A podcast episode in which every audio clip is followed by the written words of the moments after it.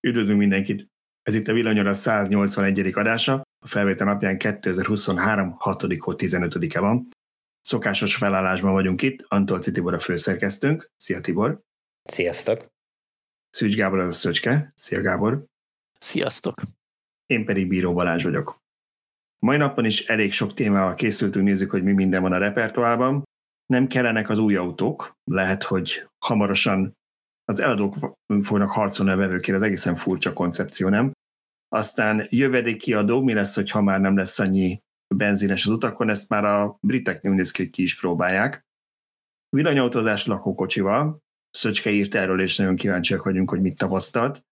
Lesz egy kis programajánlónk, beszélünk a Volkswagen nagy-nagy átszervezéséről, egy önvezető Mercedesről, és arról, hogy vajon mennyi nyilvános töltő kell. Szóval ezek a mai témák, illetve hát ha az uraknak bármi egyéb eszükbe lett, akkor úgyis elkalandozunk, úgyhogy majd meglátjuk, hogy mennyire viselkedünk jól. Kezdjem azzal, ami eszembe jutott? Mondja. Kezdjen. Tök jó pofa élményem volt ma a Tesla applikációval, mert a feleségemmel elmentünk valahová, engem kirakott, hogy intézzem a dolgom, és elment utána a saját dolgát intézni, ő ment a kocsival, mert ő ment távolabb, csak éppen otthon hagyta a mobilját, én jóval hamarabb végeztem, mint meg volt beszélve, és próbáltam csörgetni, hogy újság, de amikor nyolcadszorra se vette fel, akkor gyanús lett, hogy valószínűleg nincs nála a mobil, mert ennyire azért nem szokott csúnyán viselkedni.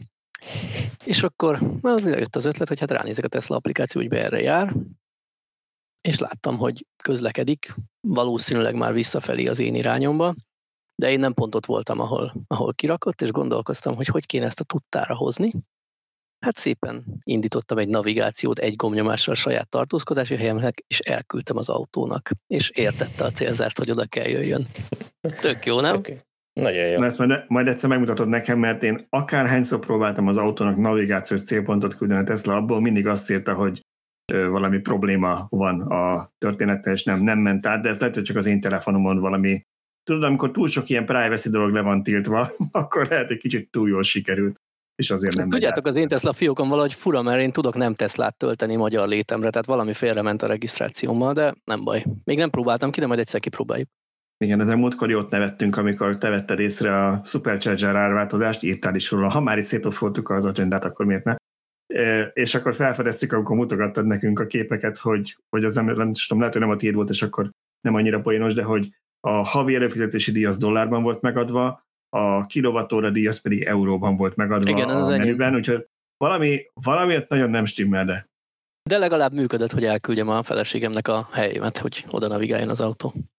Én erre csak azt mondtam a közös szerkesztőségi chatben, hogy reméljük, hogy nem jut eszébe ennek a cégnek ilyen technikai háttérrel önvezetést fejleszteni, mert ebben nagy baj lesz. Jó. Na, a önvezetésről majd később fogunk beszélni, ezt most nem teszem előre a Mercedes témát, mert azért rakom direkt a önvezetést a végére, mert ha azt előre vesszük, hogy semmi másról nem fogunk beszélni, úgyhogy próbálok valamennyire ismerő magunkat kicsit itt ezzel játszani. Oké. Okay. Na az első hírünk az új autóeladásokról szól, és igazából több német forrásból dolgoztam. Van az Automobil Woche című szaklap, amelyik arról írt, így iparági szakértők, meg, meg kereskedelmi vezetők háttérinformáció alapján, hogy elég nagy problémák elég néz az autóipar, ugyanis ugye mit láttunk a chip hiány, meg, meg a Covid, meg ezek alatt, hogy iszonyatosan felmentek az új autó árak, egyre kevesebb autót gyártottak a cégek, de nagyon nagy profittal, csomó olcsó modellt ki is vezettek, de most elkezdtek eltűnni a megrendelések, és ezt nem holnap fogjátok látni, mert azt írják, hogy hát olyan a harmadik negyedév végéig, sőt egyes cégeknél a negyedik negyedében is még úgy minden rendben lesz a, az eladási darabszámokkal, de ugye sokkal korábban jönnek a befektet, a megrendelések, és azt látják már márkától függetlenül, hogy valaki azt írta, hogy tragikus volt a helyzet már májusban, hogy annyira kevés megrendelés futott be az autógyártókhoz. Nekem egy értelmezési kérdésem van ehhez a témához. Ez a mindenféle autókról, vagy az elektromos autókról szól? Ez mindenféle autókról, ez nem elektromos autókról szólt kifejezetten. Hogy azon belül ők hogy állnak, azt nem fejtették ki, hogy van-e különbség. Meg kommentelőktől is láttam ezzel a cikkat, hogy ó, hogy viszik az elektromos autót, várólista, stb. Tehát akkor elképzelhető, hogy XY gyártónak még az elektromosait vennék, és nem is tudnak eleget gyártani, mert meglepte őket a kereslet. Ellenben, amit ők tolnának dízelt, vagy benzinest, vagy hagyományos hibridet, majdnem hibridet, hogy szoktuk nevezni, arra az meg a kutyának se kell már. Hát vagy ilyen áron, inkább arról van szó. Valószínűleg itt az a probléma, hogy annyira drágák lettek az autók, hogy már Nyugat-Európában is egyre kevesebben engedhetik meg maguknak. És én ezt mindig el szoktam mondani, szerintem még ebben a cikkben is leírtam, hogy ne felejtsük el, az autó az nem egy létszűséget, az nem kenyér vagy tej. Persze van, aki ezzel dolgozik, meg persze van, akinek mondjuk pont lejár a három éves leasingje, és el kell döntenie, hogy mit csináljon. Tehát vannak ilyen szituációk, de alapvetően azt az emberek tolják egy-két évet, tudják egy-két évet tolni, ha most túl drága, vagy nem erre költenék, vagy bizonytalan, vagy nem tudom, mi lesz a cégemmel, nem tudom, mi lesz az állásommal, uramisten, a kamatok hol vannak, az nem egy olyan dolog, amit nem tudnak az emberek elhalasztani. Uramisten, a kamatokhoz is lenne még egy észrevételem, bocsánat Tibor, hogy belét folytottam. Ugye itt most mindenki azt mondja, hogy át, mert az ilyen 20%-os kamatokkal nem vesz föl hitelt, és inkább még használja az előző autóját. Csak ne felejtsük, hogy egyedül Magyarországon van ilyen extra háborús infláció a szomszédos nyugat-európai országokban. Azért, ha nem is a nulla közeli vagy negatív kamatok, de azért bőven egy számjegyű ilyen 3-5 százalékos kamatok vannak, és ott is visszaesett a kereslet. Igen, azt akartam csak az előbb... Mondja, mondja Tibor, igen. Azt akartam az előbb mondani, hogy már tavaly év zárá, az év zárásakor volt olyan autógyártó, amelyiknek az év végi eseményén beszélgetve a, a, a vezetőkkel, már ők akkor mondták, hogy idén nagy bajok lesznek, és vissza fog esni a kereslet. Tehát, hogy ez, ez nem újdonság, ők ezt már látták. Igen, hát is azt írták a, a német forrásban, hogy már szeptemberben a, a magán, tehát a privát vásárlóknál nem a céges megrendeléseknél azok még kitartottak. De a privát vásárlóknál már szeptembertől csökkentek a megrendelések, és egyébként csak annyit akartam mondani, hogy most kiraktam itt YouTube-on az egy tavalyi cikkemből lévő illusztráció, senkit ne jegye meg, ez nem idei adat, tavaly Q1 a vége. Pár e, autógyártónak akkor én összegyűjtöttem, hogy mennyi volt, a, hogyan változott így a eladási darabszáma és a nyeressége, igazából csak azért, hogy szemléltessük, hogy egyre kevesebb autót adtak el, vagy, vagy stagnált az eladásuk, de írtozatos nyerességeket tettek zsebre, ami úgy önmagában persze nem gond, mert ezek nem alapítványok, cégek, amik pénzt akarnak termelni, de kicsit úgy tűnt, és szerintem erről tavaly is beszéltünk, nem tudom erről mi a véleményetek, hogy minden gyártó úgy gondolta, hogy hát most olyan hatalmas dolgot talált ki, mert igazából kevesebb ö, autót kell eladni több pénzért, ö, csináljuk azt, hogy még megszüntetjük az olcsóbb típusokat, és akkor majd csak a drágábbakat teszik az emberek, de hát ez nem ennyire egyszerű, mert így után elfogy ez a kereslet, nem? Igen, az a baj, hogy azt kéne tudjuk, azt kéne lássuk, hogy mi volt e mögött a szándék, mert, mert nem hiszem, hogy ez egy, egy olyan dolog, amire hirtelen most jött rá az összes autógyártó, hogy így kell autót értékesíteni, és így lehet nagy profitot csinálni. Valami biztos, hogy volt a háttérben. Az én fix ideám az, hogy ugye a korlátos darabszámok, tehát nem árulhattak bármennyi hagyományos meghajtású autót, mivel nem tudtak elég belső, vagy elég tisztán elektromosat eladni ezért ugye korlátozva volt, és azt a, a korlátot viszont nyilván a drágább modellekre allokálták, és emiatt jött ki ez az eredmény, ami így összességében jól jött.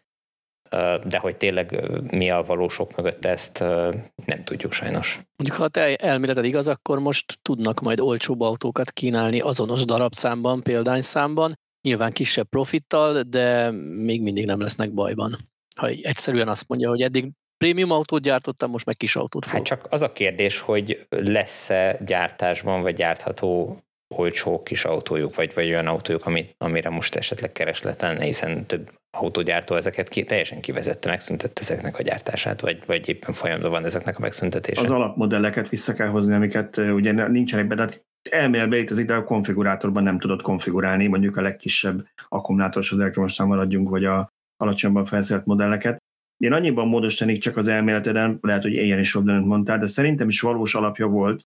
Továbbra is azt mondom, hogy ez a chip hiány, meg ellátási lánc hiány, ez egy valós jelenség volt, amire utána remekül rá tudtak színészkedni, amikor láttak, hogy ebből milyen jól meg lehet élni. Tehát, hogy igazából ez úgy indult el, hogy valóban működött a racionalitás, kevesebb alkatrészünk van, hát akkor nyilván a drágább modellekbe tesszük, és abból árunk, azokat adjuk el, amint többet keresünk. Aztán lehet, hogy annyira nem volt nekik sürgős növelni ezt az eladási darabszámot, mert ez így jól működött. Hát a másik opció, nem tudnak a kalapból előrántani olcsó kis autót, mert már nincs gyártásban, akkor lehet árat engedni a jobban felszerelt nagyobb autóknál. Ismerünk olyan gyártót, aki a közelmúltban árat csökkentett, és pörög a kereslet, hát hogy mivel extra, extrém profitjuk volt ö, tavalyi évben, vélhetően van miből engedni.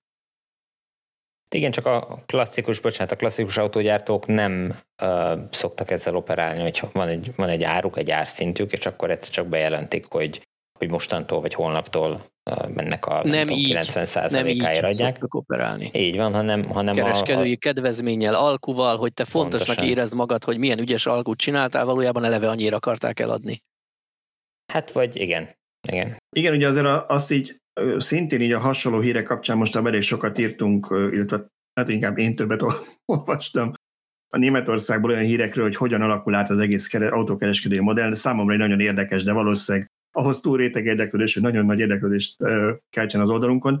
De arról szól, hogy nagyjából a történet, hogy a legtöbb autógyártó ugye eddig viszontradokon keresztül értékesített, és, és igazából ezek a legtöbbször tőlük teljesen független cégek, hálózatok árulták az autókat, hogy ők nekik eladták az autót, azok pedig eladták a vevőknek. És most egyre több autógyártó próbál áttérni erre az úgynevezett ügynöki modellre, amikor ez nem pontosan így működik, és megcsökkenteni is akarják a kereskedések számát, és valahogy arra fognak áttérni, hogy kisebb, de fixebb hasznot ígérnek a kereskedőknek, hogy ebbe belemenjenek, tehát visszatérve arra, hogy mennyi kedvezményt adtak, ott nagyjából az látszott, hogy ilyen márkától függően, mit tudom én, 6-10-12 százalék volt a kereskedőnek a marzsa, nyilván prémium márkánál több, másiknál kevesebb, és akkor ezzel tudott a kereskedő operálni még a piacon. Ezért is nagyon nem örülnek ennek a mostani helyzetnek. Volt egy példa, a Frankfurter Allgemeine Zeitung írt Volkswagen kapcsán nyilván legnagyobb autógyártó Európában onnan voltak forrásaik, de valószínűleg máshol is ugyanez a helyzet, hogy most már ott tartanak, hogy ugye több a gyártás, mint ami elmenne, és gyűlnek fel az autók a kereskedéseknek a, a, az udvarán, és már a gyártónak is a raktáraiban, és gyakorlatilag a kereskedők vannak olyan helyzetben, hogy nekik kéne valahogy engedményeket adni. Volt olyan, volt olyan márka is az Audi, amelyik adott plusz extra valami kedvezményt a kereskedőnek, hogyha megszabadulnak a modellektől, hogy valahogy osszák el egymás között ezt a vesztességet, ami, ami az árengedményt jelenti természetesen. Szóval a lényeg az, hogy már konkrétan ott tartunk, hogy elkezdenek felgyúlni az autók a kereskedésekben, míg pár hónap ezelőtt arról beszéltünk, hogy másfél éves várólisták vannak. Magyarországon még erre külön rátesz, hogy ugye amiket berendeltek tavaly, azokat lehet, hogy rekordenró árfolyamon számlázták ki a kereskedésnek, és az náluk készleten pénzügyileg, nem tudom én, 430-as enróval van felvéve, most, hogy 370-es az enró, nem tudom, hogy ezt hogy tudják ott ügyesen, okosan eladni. Hát nem lesz egyszerű, ez teljesen biztos. Ráadásul ugye rengeteg sok olyan modelljük is volt, amit még másfél évvel ezelőtt szintén ilyen 370-380 körüli eurónál rendelt meg az ügyfél. Ott nyilván az ügyfelek egy részénél tudtak emelni, másoknál meg lehet, hogy nem. Mondjuk egy nagy flotta vásárlónál nem biztos, hogy keménykedtek, hogy hogy, hogy megemelik az árat, ott lehet, hogy kénytelenek voltak benyelni. Biztos, hogy nem egyszerű most az importőröknek a, a dolga. Én egyébként nagyon meglepődtem, ez nem a mostani cikkhez, hanem pár héttel ezelőtt valamihez, amit írtam, föllátogattam a Volkswagennek a magyar honlapjára, meg akartam nézni az árakat, és nekem azt tűnt fel, hogy talán más színnel is, most erre már nem emlékszem meg, hogy már az euró az alapára a magyar oldalon, kint van mellette forintban, és oda van írva, hogy milyen árfolyamig vállalják ezt, most ezt a legtöbb autóját úgy is kírja, hogy effektív már euróban láttad az árakat, mondom, nem is tudtam, hogy bevezettük az eurót Magyarországon, hogy hirtelen Volkswagen már bevezette. Tehát igazából ők is már inkább euróban számolnak, és ilyen tájékoztató jelleggel ott van, hogy igazából ez forintban mennyi nagyjából, amit ilyen árfolyamig vállalunk, egyébként meg többet kell fizetned. De hát ez tök jogos ilyen ingadozásnál. Örüljünk neki, jön az euró bevezetése. Valamelyik országban, nem tudom, talán Boszniában volt, ahol ilyen kvázi önkény, nem, Montenegróban volt így, hogy, hogy nem csatlakoztak az eurózónához, de úgy döntöttek, hogy akkor nálunk euró lesz. Vagy az euró is hivatalos pénz, nem a sajátunk mellett. Tehát lehet ezt így. Ezzel nem csatlakoztak az eurozónához, azért ez... ez nyilván nem, nem azért, mert nem akartak, tehát nem, nem úgy, mint Svájc, nem, nem úgy nem csatlakoztak, hanem, hanem nem annyira teljesítették a kritériumokat, de úgy döntöttek, hogy nekik sokkal jobb lesz az ő saját, nem tudom, valami márka, vagy mi lehetett ott eredete a pénz, nem, vagy dinár, ahelyett, ahelyett ők bevezették az enrót önkényesen. De Romániában már vagy 20 éve az van, hogy a legtöbb Pontosan. szolgáltatást azt, azt euróért, vagy euróban számolsz el tulajdonképpen az áramtól a mobiltelefonon keresztül az internetig a mindent. Igen, ezt én is hallottam ismerősöm, hogy használt autókárát, új autókárát, lakásokárát, mindent euróban számolnak. Igen. Ez van. Oké. Okay. Következő hírünk az hát egy visszatérő téma, és tényleg nem azért hozzuk elő, hogy megénekeljük előre, vagy megpróbáljunk berántani majd plusz adót a villanyautósokra, inkább csak azért, hogy, hogy lássuk, hogy merre felé megy a világ. István hozott nekünk egy hírt Nagy-Britanniából, én pedig emlékeztem, hogy hasonlót olvastam Texasból, úgyhogy próbál arról, hogy mi nem írtunk, de próbálom akkor azt is így majd belefűzni. A lényeg az, hogy most már egyre több régióban felmerül az, hogy a villanyautók ugye nem fizetnek a benzinen keresztül jövedéki adót, és ezt valahogy kompenzálni kellene, mert ahol már elég sok villanyautó van, esetleg ez már hiányzik a költségvetésből. Na és ennek kapcsán a briteknél, bár ez nem egy kormányprogram még, hanem csak valami tanulmány, amit szerintem a kormány rendelhetett, vagy, vagy nekik készítették. A lényeg az, hogy ott azt tervezik, hogy az, azt javasolta ez a cég, hogy kilométer alapú díjat vezessenek be, tehát a, a benzinjövedéki adója helyett mellett, ezt nem teljesen fejtették ki, az alapján kelljen minden autósnak fizetni, hogy hány kilométert tesz meg évente az autójával. Hát jó ötlet, ismerve a magyar uh, kilométeror visszatekerési szokásokat, simán elképzelhető, hogy Magyarországon ezt azért áthidalnák egy-két tekergetéssel. Hát figyelj, biztosan, biztosan meg lehet ezt ügyesen oldani. Az igazság, hogy ez a kilométerrel visszatekergetésén nekem is megvedezett eszembe, csak az a kérdés, hogy tudod, amíg ez igazából nem közvetlen az államot károsítja meg, hanem a másik vevőt, és akkor erre hát nyilván ezt üldözi a hatóság, de hát nekik ugye most alapvetően nincsen probléma, mert hogy közvetlen problémájuk, oké, okay. de ha ez alapján adót számláznának ki, és egy visszatekerés innentől kezdve valószínűleg már súlyosabb bűncselekménynek is számítana, meg komoly Most is milliárdokat az. jelentene a költségvetésben, akkor lehetséges, hogy gyakorlatilag már adóelkerülésnek is mellette még, meg tehát... Nem elég egy nagy büntetését ki szabni, hanem azt be is kell tartatni, vagy példát kell statuálni. Tehát onnantól, hogy néhányakat csúnyán megbüntetnek, valószínűleg jelentősen vissza fog esni a tekergetés. A lebukás valószínűségének a vagy lebukás veszélynek a valószínűsége az, ami meghatározza azt, hogy, hogy mennyire hajlandóak az emberek kockáztatni, vagy sem. Ugye ezt azért, akik nagy üzembe űzik, mert so, mondjuk sokat használják az autójukat, ott ez úgy szokott menni, hogy a műszaki vizsga előtt, vagy a nagy szerviz előtt tekerik vissza pont annyira, hogy még egy kicsit hihető legyen a, a, a, az adott kilométer óra állás, és akkor lesz a nem tudom, öt év alatt százezret futott autóból, öt év után is csak 20 ezer kilométert futott autó. Pedig maga az alapelv az nekem is tetszik, most ne öljetek meg, hogy miért szeretnék el adót fizetni, de azt mondom, hogy nyilván az útházatot fenn kell tartani, tehát alapvetően valahogy ebből majd a villanyosodnak is ki kell venni a, a, a részüket, úgyhogy ez szerintem fair lenne, mert minél többet megy valaki autóval, annál többet fizetne. Aki keveset használ, csak hétvégén, esetleg nem tudom, egy idősebb ember csak bevásárolni megy vele a szomszédos közétbe hetente kétszerűt, meg kevésbé terheli.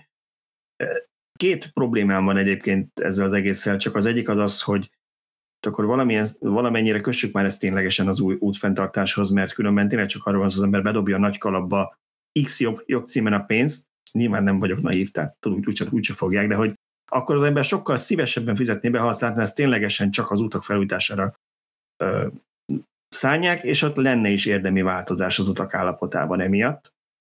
Nem? Tehát ez... Nem lesz. Abszolút így van, abszolút egyetértek, ez, ez nekem is eszembe jutott, hogy, hogy itt az a legnagyobb probléma, hogy azon felül, hogy ugye sokan csinálnak vele, hogy nem arra menne a pénz, amilyen, aminek a címével beszedik.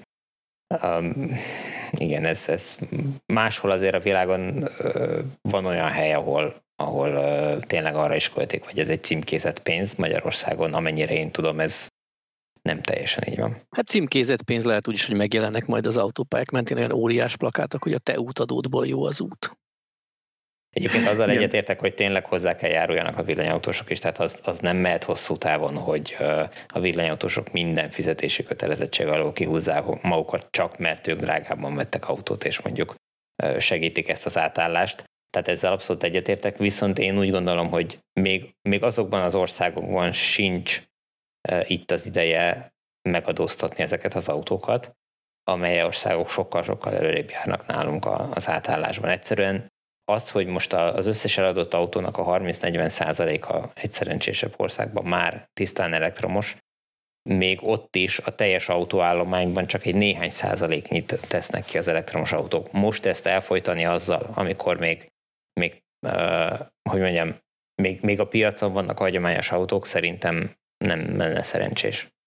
Hát figyelj, nagyon, nagyon egyszerű, X összeget kell beszedni, úgy kell növelni a hagyományos autók üzemanyagán a adót, hogy az az X összeg akkor is meglegyen, hogyha néhány százalék már elektromos. Igen, amit én most szorgalmaznék, amit egyébként a, például a parkolással kapcsolatban is, az ingyenes parkolással kapcsolatban is el szoktunk mondani, hogy készüljön egy ütemterv arra, hogy ezt mikor és hogyan fogják bevezetni. Tehát legyen meg a terv, és legyen mondjuk egy autóállomány arányhoz kötve az, hogy ezeket a lépéseket, vagy a következő lépéseket mikor és hogyan vezetik be, és akkor mindenki fel tud erre készülni, látja. De az, hogy most egyik napról a másikra az autósok nyakába akasztanak egy ilyen extra terhet, ezt én nem tartom szerencsésnek, és pláne nem tartom időszerűnek még. Igen, szóval mondtam, hogy két problémám van, ez nekem is a második problémám, hogy ezt megfelelő időben kellene Magyarország visszatérve, amikor azon, hogy a teljes autóállománynak, a, mit is számoltunk múltkor, hogy valami kevesebb, mint egy százaléka. Hát most nagyjából egy százalék, hogyha, hogyha négy, egy, hogy... most, már egy, most már egy százalék elektromos, akkor, akkor ez még nem időszerű. Ugyanígy a briteknél arról szólt a cikk, hogy már több mint egy millió elektromos autó, én meg megnéztem, mert vagyok ilyen gonosz, hogy mi az a több mint egy millió. Az a több mint egy millió, az 770 ezer volt az első negyed év végén. Nem tudom, hány autó van Nagy-Britanniában, de de nyilván ez úgy jött ki, több mint egy millió, hogy hozzászámolták a plugin hibrideket is, és akkor már van egy millió egy vagy egy millió kettő körül volt. Viszont akkor ott is a nagyobbik felét már a tölthetőknek a tisztán elektromosok teszik Én mindenképpen, szerint. mindenképpen, igen, igen. Most, hogy elárultam, hogy mivel szúrtam el a ma egy jelentős részét, hogy megtaláljam erre a megfelelő forrásokat. Volt itt még egy hír ezzel kapcsolatban Texas, amit azért tartottam fontosnak, mert szóval jó példája annak, hogy hogyan lehet átesni a túloldalára. Ott Texasban a, a kormányzó most írta alá a törvényt, amely szerint azt hiszem az jövőre fog életbe lépni az elektromos autó tulajdonosoknak, egy első egyszeri 400 dolláros regisztrációs adót kell fizetniük, majd utána évente 200 dollárt, és ez lesz a, az ő útdíjuk a benzin helyett. Na most ezt nyilván nekünk innen nehéz megítélni, a 200 meg 400 az most sok vagy kevés, vagy hogy. Szerencsére az Inside nek a cikke az megtette ezt helyettünk, hogy kontextusba helyezte, hogy Texasban átlagosan egy benzinüzemű autó 130 dollárnyi adót fizet a benzinben évente, tehát a 130 dollárhoz képest nem csak ez a 400 dolláros első éves, de még a 200 dolláros éves is, hát nem a duplája, de majdnem a duplája. Uh-huh. Úgyhogy ez itt már inkább arról szól, hogy úgyis a gazdagok veszik, meg ezek a majd nem mondtam micsodák, ugye főleg Texasban, hogy mennyire szívelik ezt. Szívelik, amikor a Tesla oda visz egy gyárat, akkor ott sütkérezik a fényben a kormányzó meg elmegy a lítium üzemnek az avatására, mert hát az jól néz ki, hogy munkahelyeket teremtett, de úgy látszik, hogy ott egy kicsit átestek a túloldalára. Szóval ezt azért el kellene kerülni, hogy itthon mondjuk ez legyen belőle. Egy olyan köztes megoldást tudnék elképzelni, hogy ugye itthon az autópályák fizetősek jelenleg is, ilyen 40x ezer, 45 ezer forint körül van most egy éves autópálya használati jogosultság. Mi lenne, ha azt mondanák, hogy minden autós fizessen éves, nem tudom én, 60 ezret, 80 ezret, de ebben benne van az autópálya használati jogosultság, és akkor kicsit úgy érezni az ember, hogy kapott valami pluszt a pénzéért. Nyilván, aki soha életében nem megy fel autópályára, annak kellemetlen, a rövid távú autópálya használat pedig maradhatna a külföldi Magyarországon autózóknak. Ez lehet egy megoldás. Egy, igen, ez is egy megoldás, igen, nyilván, nyilván nekem a kilométer alapú mindig azért tetszik jobban, mert az használatarányos és nem egy általános. Persze lehet mondani, hogy legyen akkor az autóértéke is benne, valamilyen szinten, de hát ugye tudjuk, az elektromos autókkal részben az, az volt a probléma, hogy drágábbak voltak, ezért próbálták a különböző kormányzatok valahogy segíteni a beszerzést azzal, hogy különböző díjakat elengedtek. Úgyhogy nem egyszerű, de kíváncsi vagyok. Ne, reméljük, hogy nem, hogy ennél vannak fontosabb gondjai is most a, a magyar kormánynak, mint hogy erre hegyezzék ki magukat. Hogy, mivel, hogy, hogy, hogy pénzbe szedjenek, annál fontosabb most feladat most Hogy nincs. a villanyautósokról szedjenek be pénzt, mert nincs annyi villanyautós, hogy érdemileg ez valamit segítsen ja, a, a ez helyzeten. volt probléma, mert ez egyébként politikailag tök jól el lehet adni, hogy a gazdag villanyautósokat adóztatjuk meg. Tök mindegy, hogy anyagilag az egy csepp a tengerben, de nagyon jó lenne a marketing értéke az óriás plakátokon, hogy Oké. Okay. Szóval mielőtt Szöcske újabb ötleteket ad a kormányunknak, menjünk hát a következő témára, ami az ő témája lesz, villanyautózás lakókocsival, és tudom, erre már te nagyon-nagyon régóta készültél, részben a Model X mögött is ez volt, hogy na, akkor végre vontathatsz. Eh, tehát ez nem csak egy teszt volt, ugye egyébként, hanem ha jól tudom, te is szoktatok is lakókocsit használni. Amit eddig nem használtunk. Én nagyon szeretek kempingezni egészen, ez a gyerekkoromra nyúlik vissza ez a rajongás, és a, a lányaim is úgy pozitívan állnak hozzá, a feleségem kevésbé. És ezt próbálom, próbáltam én azzal áthidelni, hogy ugye tavaly már az EMV 200-ból készült egy ilyen low-cost camping busz. Na igen, én erre gondoltam, hogy szoktatok lakókocsit igen, igen, tavaly, az tavaly már, így, tavaly már így, így, így nyaraltunk egy ilyen minimál átépítéssel, és egyébként ezt a lányok nagyon szerették, és a feleségem is egész jól viselte. És amikor decemberben megvettem a Model X-et, akkor rögtön elkezdtem lakókocsikat nézni, mert úgy valahogy régi vágy volt ez nekem. Egy dolog, ami aggaszt azóta is most is, hogy a hivatalos megengedett sebesség utánfutóval autópályán 80, országúton 70, városban pedig 50, de úgy, hogyha ott van 60-as, 70-es tábla, az nem ér rá, tehát fix 50 és hát attól tartok, hogy nagyon sokára fogunk bárhová odaérni. Na mindegy, a lényeg az, hogy amikor megvettem a Model X-et, rögtön akartam lakókocsit venni, rájöttem, hogy abban, amiben elférünk a három gyerekkel, azt nem vontathatom én a Model x mert kell hozzá eljogsi, mert túl nehéz az autó, és az autó ugyan húzhatna 2,2 tonnát, de azzal már meghaladnám a 3,5 tonnás szerelvény tömeget, amihez nem elég önmagában a B-jogsi. Decemberben terveztem is, hogy, hogy szerzek a tél alatt ráérek eljogsit szerezni, mert éppen sok időm volt a télen, ez nem igaz.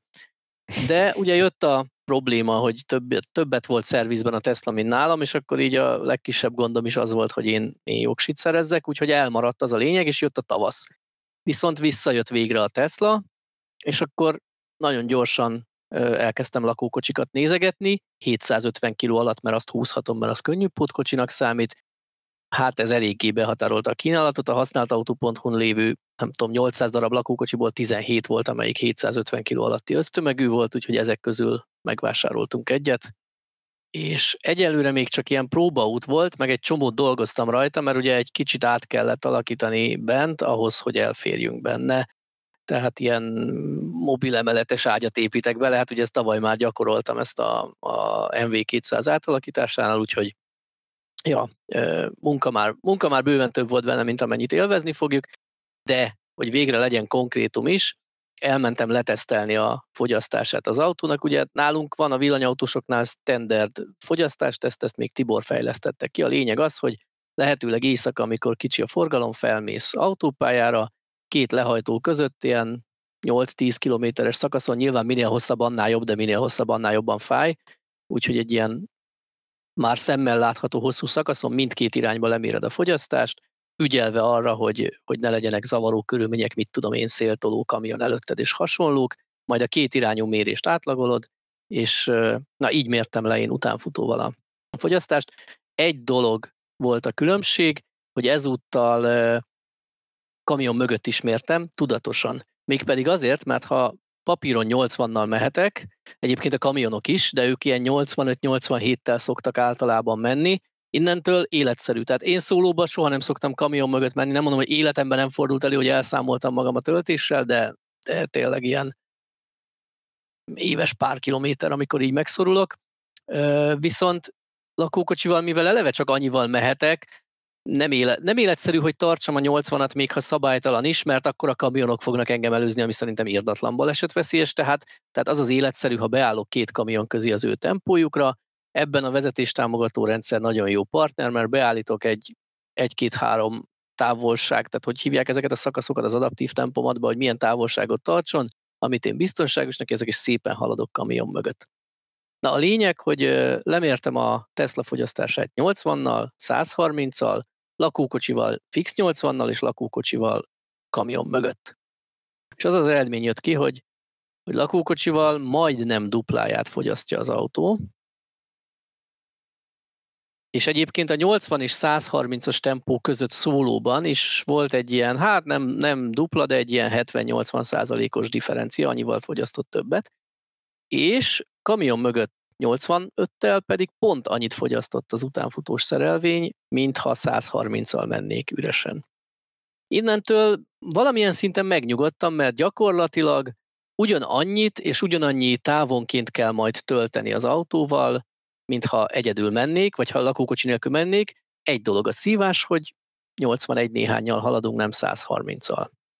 És hát így a menetidők brutálisan meg fognak ugrani, hogy ez mennyire lesz elviselhető leginkább a gyerekeimnek, meg amúgy nekünk is, ezt majd kiderül, hogyha elmegyünk nyaralni. Majd, majd beszámolok róla, itt ezúton indítanék egy mini szavazást, hogy milyen beszámolót szeretnének, cikket, videós roadtripet, TikTok bejelentkezéseket, vagy hogyan számoljak be, hogy, hogy, hogy mekkora szívásra a lakókocsis villanyautós nyaralás. Hát ebben a sorrendben. Ebben a sorrendben írjátok meg kommentbe, aztán utána úgyis az lesz, amire időm meg kedvem van, tehát úgyis végül én döntöm el, de legalább látom, hogy mi az, amire, amire igény lenne. Szerintem azért azt még egyszer hangsúlyozzuk, mielőtt félrevisszük az emberek gondolkodását, hogy amikor azt mondtad, hogy meg fog nőni a menetidő, ugye eleve megnőne, mert hogy mondod, lakókocsival eleve csak 80-nal mehetnél autópályán, más kérdés, hogy reálisan valószínűleg ez közelebben a 90-hez, mert nem szeretné senki, hogy kamionok erőzgessék jobbról-balról a családját. De, de hogy alapvetően ez nem, a, nem az elektromos autó mi volt, Abszolút. amiatt van, hanem amiatt, hogy, hogy valamit vontat, és akkor ez a, ez a kressz.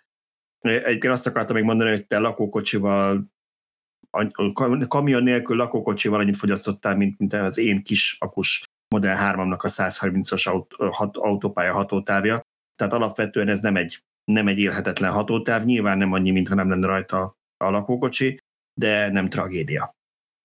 Így van, hát a töltések is egyébként érdekesek lesznek, mert a Miskolci Superchargerhez oda kanyarodtam kipróbálni, hogy mégis hogy lehet ezt. Ugye az a szerencsém, hogy ez egy könnyű 640 kg megengedett ösztömegű lakókocsi, tehát viszonylag könnyű leakasztani, félretolni, de ha én nem akarom minden töltésnél leakaszgatni, akkor azért macerás lesz a töltés. Tehát Miskolcon eleve úgy, hogy épp üres volt, illetve egy autó volt szerencsére a végén, nem a középső töltőnél állt, amikor odaértem, így három supercharger blokkolva, de ahhoz, hogy be tudjak így állni, mert ugye közel kell állni. Tehát ott vannak ezek az ütközésgátlók lecsavarozva, ezért nem tudok a ideális ívben ráfordulni, hogy még az autó hátulja is elég közelre kerüljön, úgyhogy nem lesz egyszerű. Nyilván Budapest környékén majd törekszem például a Sziget-Szent Miklósi Supercharger-t használni, mert ott így át lehet haladni, bár azt hiszem, mint a Fóton is lenne Fóton olyan. Is, Fóton is át hmm. lehet, igen. Igen, Ugye azt már néztem, hogy például Kassán is tök jó, hogy így át lehetne haladni az oszlopok között, csak éppen ott is lecsavarozták ezeket a ütközésgátlókat, amit értek, hát hogy védik ezzel az oszlopot, csak rajta. akkor az a, hát igen, igen, át kell hajtani így az egész igen, nem biztos, hogy, nem biztos, hogy jót tesz neki, mondjuk mm, alacsony sebességnél igen ha megemeled a, Nyilván, a megemelem a, a légrugót, és akkor maximum a kis bódiakat fel a végén. Na mindegy, érdekes lesz, én, én nagyon kíváncsi vagyok, és ha titeket, vagy már mint hallgatókat is érdekel, akkor beszámolok. Ti, ti, titeket ha érdekel, hanem már mint így a Nekünk nincs választásunk. Társaimat nincs választás, a szerkesztősítki chatbe fogom mondani az infót. Igen, az, az fogott még itt mert én soha nem használtam, még semmit nem vontattam soha. Hát tegnap pont eladtam valamit itt az udvarban, és utánfutóval jöttek, és segítettem föltenni, és néztem, hogy az illető tolatott be az autóbehajtón, hogy hát mondom, én nagyon örülök, hogy nekem ezt nem kell eljátszani mindig, mert azért nem, nem olyan egyszerű, nyilván rutinnal meg lehet csinálni, de pont az jutott eszembe, hogy igen, az elektromos töltők nagy része, és nem csak a superchargerek nincsenek felkészülve, te valami nagyon hosszú autóval mész oda, tehát ugyanígy a kajászói Ionity-nél ugyanekkor a bajban lennél mag, sőt, tehát nagyobban meg keresztben nem férnél el esetleg a, a, négy, a négy töltőhelyen, vagy épp hogy, de már nem tudnál kibekanyarodni. Viszont azt nem tudom, hogy a benzinkutak erre ugye egyébként mennyire vannak felkészülve. Tényleg minden benzinkutnál van annyi hely az oszlopok között, hogyha valaki utánfutóval beáll, akkor nem zavarja mondjuk a mögötte lévő oszlopnak a, a használóját. Nem vagyok benne biztos, hogy ez ott is mindig megoldott, de lehet mondjuk, hogy benzinkutanként van legalább egy olyan oszlop, ahol ezt meg lehet oldani. Hát egyrészt ott ugye vannak a teherautóknak szánt töltőhelyek, amik úgy a szélén vannak, bár ott meg lehet, hogy például nem hát, lehet gázolajat venni, igen. igen, ezt nem tudom pontosan, azokat nem szoktam használni, meg hát tudod, amikor ezer kilométerenként kettő percre állsz meg, ha addig blokkolsz még egy kútfejet, Olyan mindegy, annyira persze. para. Persze. Oké. Okay. Na, hol tudnánk még ezt a lakóautót igénybe venni? Például, és átvezetünk a következőre a programajáról, ami szintén a tiéd, a Nikola Tesla napokon, ahol elmehetnél egy Teslával utánfutóval, vagy, vagy lakókocsit húzza magad után, ami egy villanyautós találkozó lesz Szabadkán és Szegeden 7. hó 14-15-én, tehát pont egy hónap múlva, mint most ezt fölvesszük. Mesélj erről nekünk kicsit, mit tudtál meg. Igen, hát Szabadkán már tizedik alkalommal rendezik meg a Nikola Tesla napokat. Ugye nyilván nem a Tesla, mint autó, hanem, hanem Nikola Tesla, mint a feltaláló ö, ról megemlékezve, aki ugye onnan származik.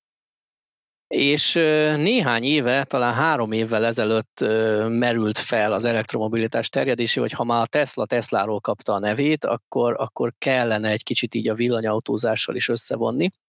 És akkor nagyon kevés villanyautó volt még Szerbiában, és megkeresték magyar villanyautósokat, hogy esetleg nem jönnének-e át Szabadkára, mert, mert egyszerűen ott helyben olyan, olyan kevés autó van. És hát volt egy maréknyi csapat, aki nagyon lelkes, és azóta is évről évre jár, és most már azért egyre többen vannak Szerbiában is villanyautósok, egyre jobban épül ki a töltőhálózat, de ez a kapcsolat megmaradt, és, és most már így megtaláltak minket is, vagy hát én is tudom én, kezdhelyi találkozón találkoztam ennek a találkozónak a szervezőjével, hú, ennyi találkozót egy mondatban. A lényeg az, hogy kinőtte magát a rendezvény, nem csak Szabadkán van, hanem Szegeden kezdődik, pénteken, július 14-én pénteken már 10 órára várják az érdeklődőket, és akkor ilyen egy rövid köszöntő után kulturális program, beszélgetések, majd utána átmennek Mórahalomra konvojban, ahol valami városnapot tartanak, tehát ott gondolom ilyen szokásos vúsli lesz, majd csoportosan átmennek Szabadkára. Ennek azért van jelentőség, hogy Mórahalomról csapatosan mennek át, mert úgy tudom, hogy ugye ott az még nem Schengen jövezet, tehát kinyitnak valami olyan határátkelő helyet, ami csak ilyen időszakosan tart nyitva, hogy a lehető legrövidebb úton a teljes villanyautós konvoj Magyarországról át tudjon jutni Szerbiába, tehát az itt, itt biztos érdekes, meg hangulatos lesz, hogy, hogy tényleg konvojba viszonylag sok reméljük minél több villanyautó fog haladni. Én terveztem, hogy megyek, de valamilyen nekem az volt a fejem, hogy ez szombat-vasárnapi program, és utána tisztult ki, hogy amikor a cikket megírtam, hogy ez, ez bizony péntek-szombat, mert hogy a Tesla napok szabadkán szombaton van, és hát így nem biztos, hogy a pénteki napomat rá tudom erre szánni, úgyhogy még nem tudom, hogy én személyesen részt tudok-e venni, de nagyon sokan lesznek, úgyhogy mindenkit biztatnék, főleg aki közelben lakik, rendszeresen panaszkodnak a, az alföldiek, hogy, hogy miért nincs, nem tudom én, Békés Csabán vagy bárhol, miért mindig a Balaton környékén vannak találkozók. Most van hozzájuk közelebb is, úgyhogy lehet menni. Hát a következő témánk az ehhez abszolút nem kapcsolódik, úgyhogy meg sem próbálom átvezetni, csak egy nagyon-nagyon erős váltással áttérünk a Volkswagen csoport nagy átszervezésére.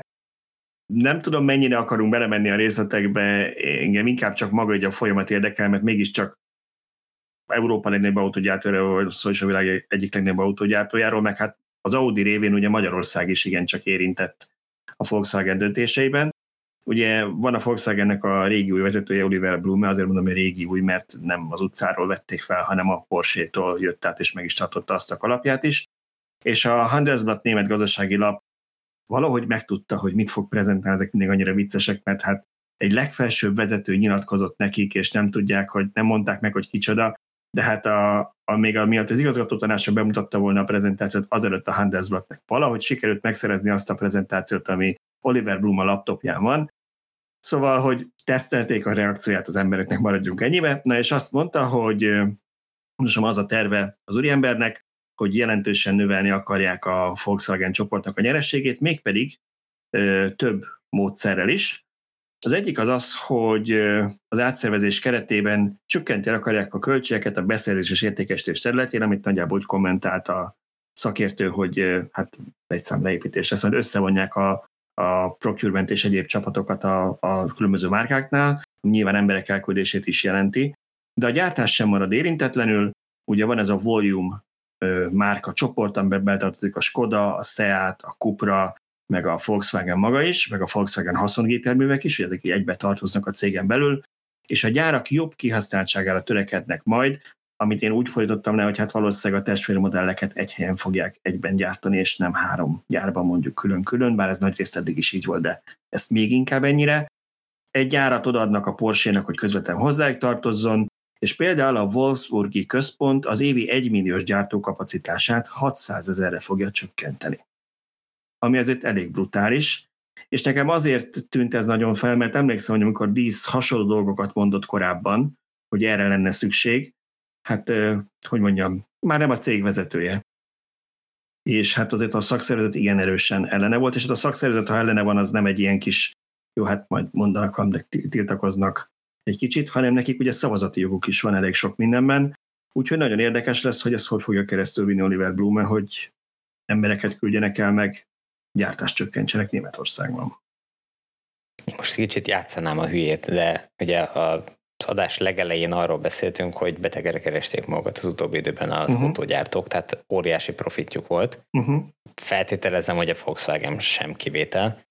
Nem volt rossz És most neki, igen. arról szól, hogy még akarják emelni a, a uh-huh. profitot, és, és emiatt embereket kell elküldeni, és emiatt gyárakat kell bezárni, és emiatt uh, egyébként nem tudom, hogy, hogy uh, van egy gyárunk, aminek az üzemeltetése feltételezem, hogy nagyjából fix költség független attól, hogy hány autót gyártanak, akkor hogy jön ki a, a, a költségcsökkentés úgy, hogy mármint az egy autóra jutó költségcsökkentés úgy, hogy egy millió helyet csak 600-re gyártunk, vagy 700-re, most tudom mennyit mondtál. 600-ra akarnak. 600-re, tehát hogy, hogy uh, itt nem tudom, egy csomó ilyen ellentmondásosnak tűnő dolog van ebben, miközben mindannyian tudjuk, hogy az autóiparnak a legnagyobb átszervezésének a kellős közepén állunk, vagy az autóipar átalakulásának a kellős közepén járunk, hogyha meg innen nézzünk, akkor itt semmi újdonság nincs ebben a hírben.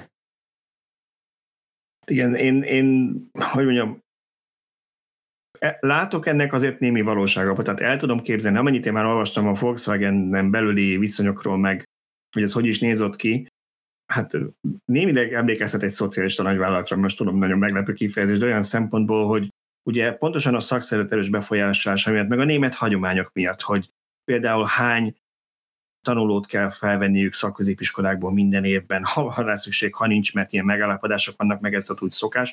Egyébként nagyon jó kezdeményezés, és szerintem tényleg, amikor azt tudtuk mondani, a német minőség, meg a német áruk, meg a, az innen ered, hogy a 16 évesek már a Volkswagen-nél tudnak gyakorolni, és arra, és utána fel is veszik, és tehát, hogy ennek azért nagyon sok pozitívum van, de nyilván ezt nehéz hogy ez összeegyeztetni a teljesen kegyetlen kapitalista ervekkel, és alapvetően ez a kettő találkozik itt most, hogy le, én el tudom képzelni, az egymilliós gyártási kapacitás, ami Wolfsburgban van, az azt is jelenti, hogy x embert kell állandóan állományban tartani, nem lehet elküldeni, és csomó ilyen költségcsökkentést, magyarul elbocsátást végre akarnak hajtani.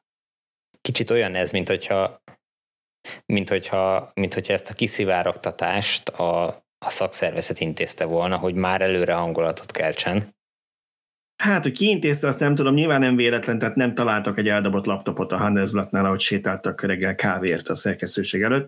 Úgyhogy nekem is az érzésem, ezek ilyen szándékos kiszivárogtatások. Ugye utána lehetett még erről picit olvasni, amikor most bekerült a, az igazgató tanács elé, és ott bemutatták, és akkor ott még volt egy pár plusz információ. Például, csak hogy kicsit még tovább tereljem a, a, a további részleteket, azt meg azt is tervezik, hogy csökkentik a típusokat és a, márká, és a márkán belüli változatoknak a számát. A Volkswagen összesen 10 típus marad, vagy nem típus, hanem hogy is hozták, mi volt a megfőképzés, bocsánat, modellcsalád. Én így folytattam, modellcsalád maradhat meg. Ebben benne vannak a kis haszongépjárművek is. A Skodánál pedig csak 5, a Kupránál pedig 3-4, és a vicces az, hogy a felsorolás a szállatot nem is, éri, nem is említettek külön, csak Kuprát említett. Szóval egy kevesebb fajta autót fognak, kevesebb variánst gyártani, és valószínűleg ezeket koncentráltabban, tehát mondjuk egy gyárban fog készülni az a három testvérmodell, és nem kettőben vagy háromban.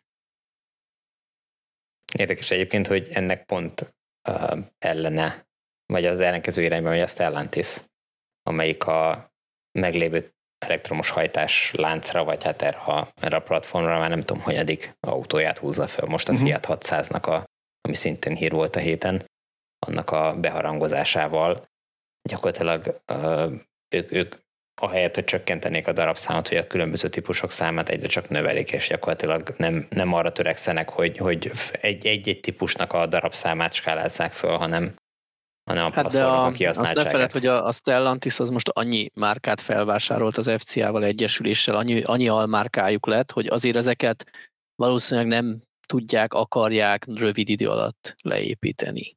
Tehát nem azért vettek meg ennyi almárkát, hogy utána bezárják a felét. Tehát valahogy ez kényszer is nekik. Pedig nagyon sokszor azért vásárolnak föl konkurens cégeket a, a gyártók, hogy bezárják távon és, lehet, és gyakorlatilag a piacot tisztítsák. Hosszabb távon lehet, hogy ez lesz, de, de mit tudom én, elég fura lett volna, ha akkor mostantól nem tudom, megszűnik a Peugeot és csak Citroen lesz, vagy megszűnik a Alfa Romeo és csak Fiat igen. lesz, vagy az Opel, tehát csak ugye itt nem biztos, hogy akkor az ő márkájának fog, lesz nagyobb forgalma, egy másiknak, tehát nem, ez nem ilyen egyértelmű, hogy akkor kitisztította magának a piacot, de vannak más szereplők is. Nekem itt meg az jutott egyébként eszembe, hogy, hogy azért nem biztos, hogy mindenhol annyi variáns van, mint a Volkswagen-nél. Tehát itt nem csak arról van szó, hogy mondjuk ne legyen azonos típus két márkán belül, mert lehet, hogy, hogy a platformot megosztják, de hogy ne legyen egy sportback, egy, egy ilyen, egy olyan, egy amolyan, hogy ne legyen három-négy mondjuk, ami ráépül, mert ez lehet, hogy növeli a választékot, de valószínűleg egyenként nem akkora darabszám, hogy nem mindegyik fogy annyira, és, és mindig azt szokták mondani, hogy hát mert az alkatrészek nagy része közös, igen, de van, ami nem, és emiatt lehetséges, hogy túl költséges, vagy egyszerűen csak nem, nem termel annyi hasznot az az egy alvariáns, amiből lehet, hogy csak 3000 fogy, míg a másikból 30 ezer. Úgyhogy ilyet el tudok képzelni a racionalizálást. Nyilván így van, csak kérdés, hogy, hogy miközben te azt mondod, hogy ha a Stellantis megszüntetne egy-egy típust, akkor azt nem biztos, hogy a Stellantis többi típusával lehetne pótolni. Ugyanez igaz a, a Volkswagen csoporton Persze. belül is, tehát hogyha ott megszüntetnek egy sportbeket, mert hogy az nem fogy, akkor nem biztos, hogy a nem sportbeket fogják vásárolni a, a vásárlók, hanem lehet, hogy elmennek, és egy sportbackhez hasonló modellt választanak a Stellantis-tól. Uh-huh. Igen. Volt egyébként még egy érdekesség ennek kapcsán, hogy többször már felmerült, hogy mi lesz ezzel az új gyárral, ami Wolfsburg északi részén, a város északi részén egy új zöldmezős beruházás lenne, ahol a, ez volt a Trinity gyár, ahol az új Trinity kódnevű típus készülne majd, amit ugye már többször elhalasztottak. És hát azt lehetett tudni, hogy Oliver Blume nem nagyon szeretné ezt se a Volkswagen márkaigazgatója. Hivatalosan novemberben lesz döntés, de most alapult ugye igazából ez konkrétan már nem is lesz, ez, ez be van szántva ez a terv, és ehelyett a Wolfsburg gyára fogja átalakítani, de ez némi kompromisszumokkal jár, és amit Dísz kitűzött annó célként, hogy a Model 3 10 órás gyártási idejét éri el az ID3, az nem fog menni a Trinity-nél, de azt ígérik, hogy a 18 órás Tiguan gyártási idő alatt lesz az új Trinity gyártása, de a 10 órát el kell engedni, mert hogy az csak, hogy is fogalmaztak, hogy csak ambíciózus cél, és csak bizonyos előfeltételek teljesítése esetén lehetne elérni. Hát de most zöld mezőbe épül egy gyár, mert nem lehet az előfeltételeket teljesíteni, na jó, mindegy, ez az ő dolguk. Hát de, de épp az, hogy nem épül, tehát hanem átalakítják a meglévő gyárat. Ja, ja hogy így, uh-huh, értem. Ezzel sporolnak, igen. igen. Mondjuk, hogyha ha Wolfsburgban ö, ennyire lecsökkentik a gyártási darabszámot, akkor ott bőven lesz hely, vagy kéne legyen hely, hogy, hogy ö, egy, egy új platformot fölépítsenek. Igen. Igen. Jó, szóval ennyi, ennyi volt. A, volt még itt egy rész, akit érdekel, ott az a cikk ez a link a leírásban, ami még a Volkswagen Play öntvényéről szól ennek kapcsán, hogy azt már tesztelik, és próbagyártás, és, és mikor és hogy, úgyhogy azt is meg lehet majd nézni. Oké. Okay. Szóval ez volt a Volkswagen-es hírünk, és akkor menjünk tovább. A következő az egy Mercedes-es hírünk, amit nem ezt egy egyszerűség át is adnék Tibornak, mert egyrészt ő írta a hírt, másrészt ő az önvezetés tesztelünk és tudorunk, úgyhogy ö, mesélj nekünk a Volkswagen Mercedes kaliforniai önvezetéséről. Itt a nagy hír az volt a napokban, egy héttel ezelőtt körülbelül, hogy Kaliforniában is megszerezte a hármas szintű önvezetéshez szükséges engedélyt a vállalat, és gyakorlatilag most már ezt a funkciót be tudják vezetni abban az amerikai, tehát a legnépesebb vagy a legnagyobb amerikai autópiacsal rendelkező államban. Ennek ugye egy előzménye volt már, hogy januárban megkapta Nevadában is ugye ezt az engedélyt és erről írtam én egy hírt, mert mert, mert senki más fontos, nem írta meg. Senki más nem írta meg, és én fontosnak tartottam, hogy, hogy ez megjelenjen, mert bánom, hogy, hogy annak idején, amikor tavaly megkapta ugyanezt az engedélyt Németországban, vagy hát egy nagyon hasonló engedélyt Németországban, akkor, akkor arról nem írtunk. Ugye részben azért nem írtunk, mert... Nem írtunk? Én úgy emlékeztem, nem írtunk. Én legalábbis nem találtam, de, de elképzelhető, hogy, hogy, hogy csak én kerestem rosszul, de lényeg az, hogy hogy ugye egy ilyen vegyes érzelmekkel fogadtuk annak idején is ezt a hírt, mert ugye miről szól ez, legalábbis a németországi engedély arról szól, hogy a, az ENSZ-nek van egy közlekedési szabályozással foglalkozó szervezete, és ez a 157-es szabályozásban rögzítette, hogy a felügyelet tehát hogy nem, nem folyamatos, de végül is sofőr jelenléte mellett működő önvezető rendszereknek milyen kritériumok mellett miket kell tudniuk. És ugye itt egy olyan kritériumrendszert építettek föl ebben a szabályozásban, hogy maximum 60 km per órás sebességig több sávos úton a szembejövő forgalomtól elzárt útszakaszon és nagy forgalomban, tehát hogy előtted, mögötted, jobbra-balra menő autók legyenek tulajdonképpen. Egy dugóban a rasszolásról beszélünk.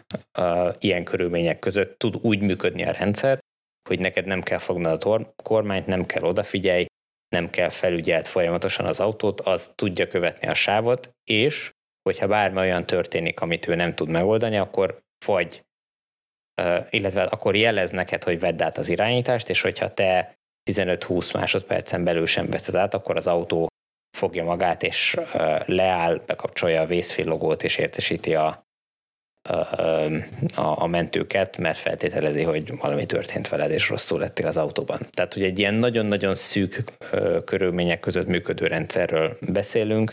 És várjál, mert azt, szerintem azt annól beszéltük, csak akkor javítsad ki, hogyha rosszul tudjuk, vagy rosszul tudom, hogy az sem automatikus, hogy minden autópályán, az legalábbis Németországban sem minden autópályán volt azonnal elérhető a rendszer, ami arra engedett következtetni, hogy a HD térképekkel frissen tartott autópályák, ami bővülő kör, de hogy azokon érhető ez el. Ez teljesen biztos, hogy így van. Nagy valószínűséggel ezek az autók saját maguk is frissítik. Ugye lidarokkal uh-huh. vannak felszerelve, vagy lidarra vannak felszerelve, tehát nagy valószínűséggel a térképezést is maguk ezek az autók végzik és küldik vissza az adatokat, de nagy valószínűséggel feltétele ennek az egész rendszer, a rendszer működésének az, hogy fel legyen térképezve a, a, az autópálya, és pont, valószínű pont emiatt Kaliforniában is csak a forgalmasabb autópálya szakaszok, illetve a nagyvárosok környéke van benne ebben a rendszerben egyelőre, de nyilván ez bővülni fog, illetve hát azt a Mercedes is elárulta, hogy a jövőben más államokra is igyekeznek kiterjeszteni ezt a, ezt a rendszert. De ami ennél szerintem fontosabb, hogy hogy Amerika nem csatlakozott ehhez a rendszer, ennek a ENSZ-nek ehhez a szabályozásához, tehát rájuk nem érvényesek ezek a szabályok. Uh-huh. Ott a, a SAE, SAE, vagy SEA, vagy SEI, na rosszul mondom, csak ki tudom mondani, testületnek, vagy nem is tudom mi ez, szövetségnek a, a, az ajánlás alapján, ami ugye ezt a, ezt a ötös szintű rendszert, vagy hat, összesen hat szintből álló önvezetés szabályozó, vagy, vagy bekategorizáló rendszert kidolgozták, az ő előírásaiknak kell megfelelni, illetve hát az adott államoknak az előírásainak. De arra én nem igazán találtam leírást, hogy milyen módon történik ennek például a vizsgálata, hogy ez, ez a rendszer ez tényleg tudja ezeket. Uh, ami, ami viszont érdekes, hogy ott nincs ez a 60 km per órás megkötés, és egyből ugye ők 40 mérföld per órában korlátozták a rendszer bekapcsolásának a felső korlátját, ami 64 km per órának felel meg. Um, tehát valamiért a rendszer ott is um, köti magát ehhez a, ehhez a szinthez, nyilván ehhez, ehhez méretezték, ehhez tesztelték a, a működését. Itt az ENSZ megfelelő szabályozása miatt, és ami még fontos, hogy idén januártól ez az ENSZ szabályozásnak a, az aktuális változata már 130 km per órás sebességig is engedélyezi ennek a rendszernek a használatát, feltéve, hogyha a rendszer vészhelyzetben, vészhelyzeti kikerülő manővert nem csak sávon belül tud elvégezni, hanem sávváltással is. Tehát mhm. biztonságosan meg tudja azt oldani, hogy ha mondjuk leesik egy kanapé az előtted lévő teherautóról, akkor az önvezető autó nem belrohan, nem vészfékez, hanem biztonságosan kikerüli a, a Azt is megengedik neki, hogy ehhez mondjuk 23,5 fokkal elforgassa a kormányt, mert ugye ez volt a másik ilyen megkötések, hogy meg volt szabad, hogy nagyon szűken vannak szabva azok a határok, amit kormánybeavatkozást végezhet a jármű.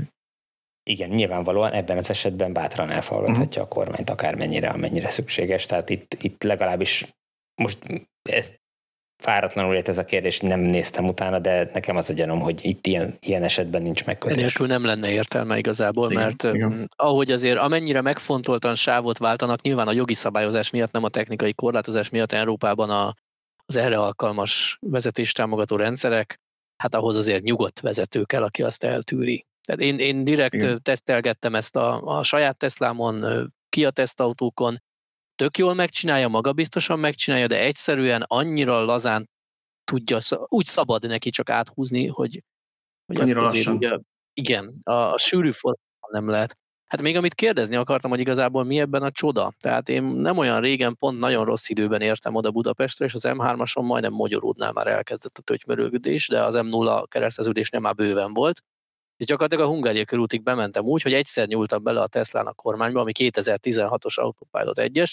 Az az egy kormányba nyúlás is azért volt, mert egy motoros úgy döntött, hogy ő sávon belül végig rongyol köztünk, és lehet, hogy elfért volna mellettem, de én inkább belenyúltam látva a tükörbe. Hogy Drága nem, a tükör. Igen. Igen.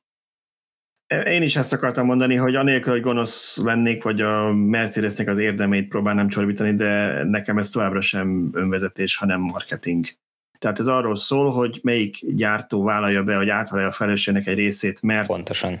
jól néz ki az óriás plakátokon, viszont szerintem vannak olyan gyártók, és igen, a Tesla az egyik, amelyiknek a rendszere ugyanezt tudja, én az autopilotban ugyanilyen szinten megbízok, amikor használom, de szerintem ők nem gondolkodnak abban, hogy jóvá hagyassák a hármas, a level 3-as ö, szintre ezt, hanem ők rögtön a négyesre akarnak majd menni, és nem foglalkoznak egyszerűen ezzel, hogy kapjanak erre egy plecsinit. Igen, Technikai pontosan, megcsinálja az autó ugyanígy.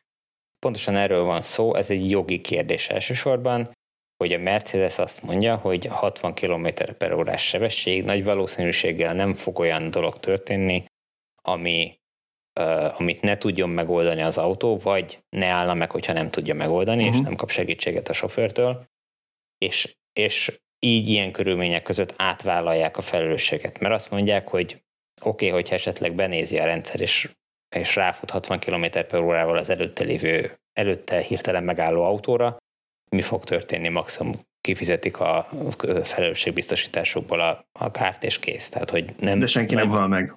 mivel, gyalog, mivel csak olyan, olyan úton engedik bekapcsolni, ahol gyalogos forgalom nincs, meg kerékpáros forgalom nincs, így a, a, a közlekedésnek a sérülékenyebb ö, résztvevői nagyjából ki vannak zárva, motorosok lehetnek még, de feltételezzük, hogy ők tudnak magukra vigyázni, vagy jobban észreveszi a rendszer, vagy fogalm sincs, hogy hogy van hangolva, de lényeg Igazából, az, hogy ha betartja a szabályt a motoros, akkor, akkor nincs vele gond. Az a baj, hogy azért a motorosok sokszor nem tartják be a szabályokat, ott meg már viszont nem az autós lesz, vagy nem a Mercedes, vagy nem a autóvezetője lesz a felelős, hanem a motoros.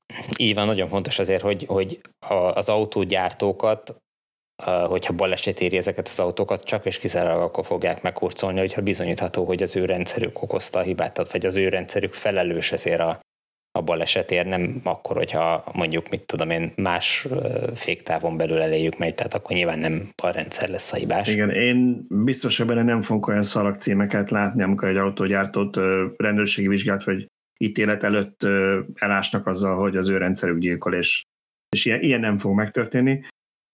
Még nem láttál ilyeneket? Nem láttál nem még láttam ilyeneket? még, azért mondom, hogy ilyen biztos nem lesz, majd mindenki megvárja, hogy mit mond a bíróság, ki, ki mondja, hogy a, hogy a Mercedes vétlen, és akkor, akkor jelenik meg erről az első hír. Jó, hát mindegy, mindenképpen jó irányba haladunk, mert, mert minél több ilyen rendszer fog működni, annál biztonságosabb lesz a közlekedés. Igen, és, és amit mondtál, hogy a, a Tesla nem akar ebbe belemenni, ugye a Tesla-nak egy teljesen más megközelítése van az önvezetéssel kapcsolatban, szerintem erről is beszéltünk már korábban, hogy, hogy ők arra jöttek rá, hogy, hogy tesztkörnyezetben, meg szimulátorban, meg tehát mit tudom, néhány száz autós tesztflottával nem lehet megvalósítani az önvezetést, és nem csak a tanulás fázisát nem lehet megvalósítani, mert azt még lehet, hogy meg lehet csinálni az a része nem megvalósítható, hogy bebizonyítsák a hatóságok számára, vagy hatóságok felé, hogy az ő rendszerük minden szituációban alkalmas a vezetésre. Ezt csak úgy lehet megcsinálni, hogyha kim van egy több millió autós flotta, amiben sofőr felügyelete mellett megy az önvezetés, és hogyha azt tudják mondani, hogy itt van, kiadtuk az új rendszert július 1-én, és mit tudom én, szeptember 1-ig levezetett a flotta x millió kilométert, és abból csak nem tudom, kettőször kellett belenyúlni, és egyébként balesetmentesen működött a, az egész, akkor arra meg fogja kapni a rendszert, hiszen ugyanennyi kilométeren a humán sofőrök 10-szer, 20-szor, 100-szor ennyi balesetet ö, okoznak, miközben csak itt, itt csak két esetben kellett ö, belenyúlni, vagy felülbírálni a, a, a, a rendszernek a működését a sofőr által.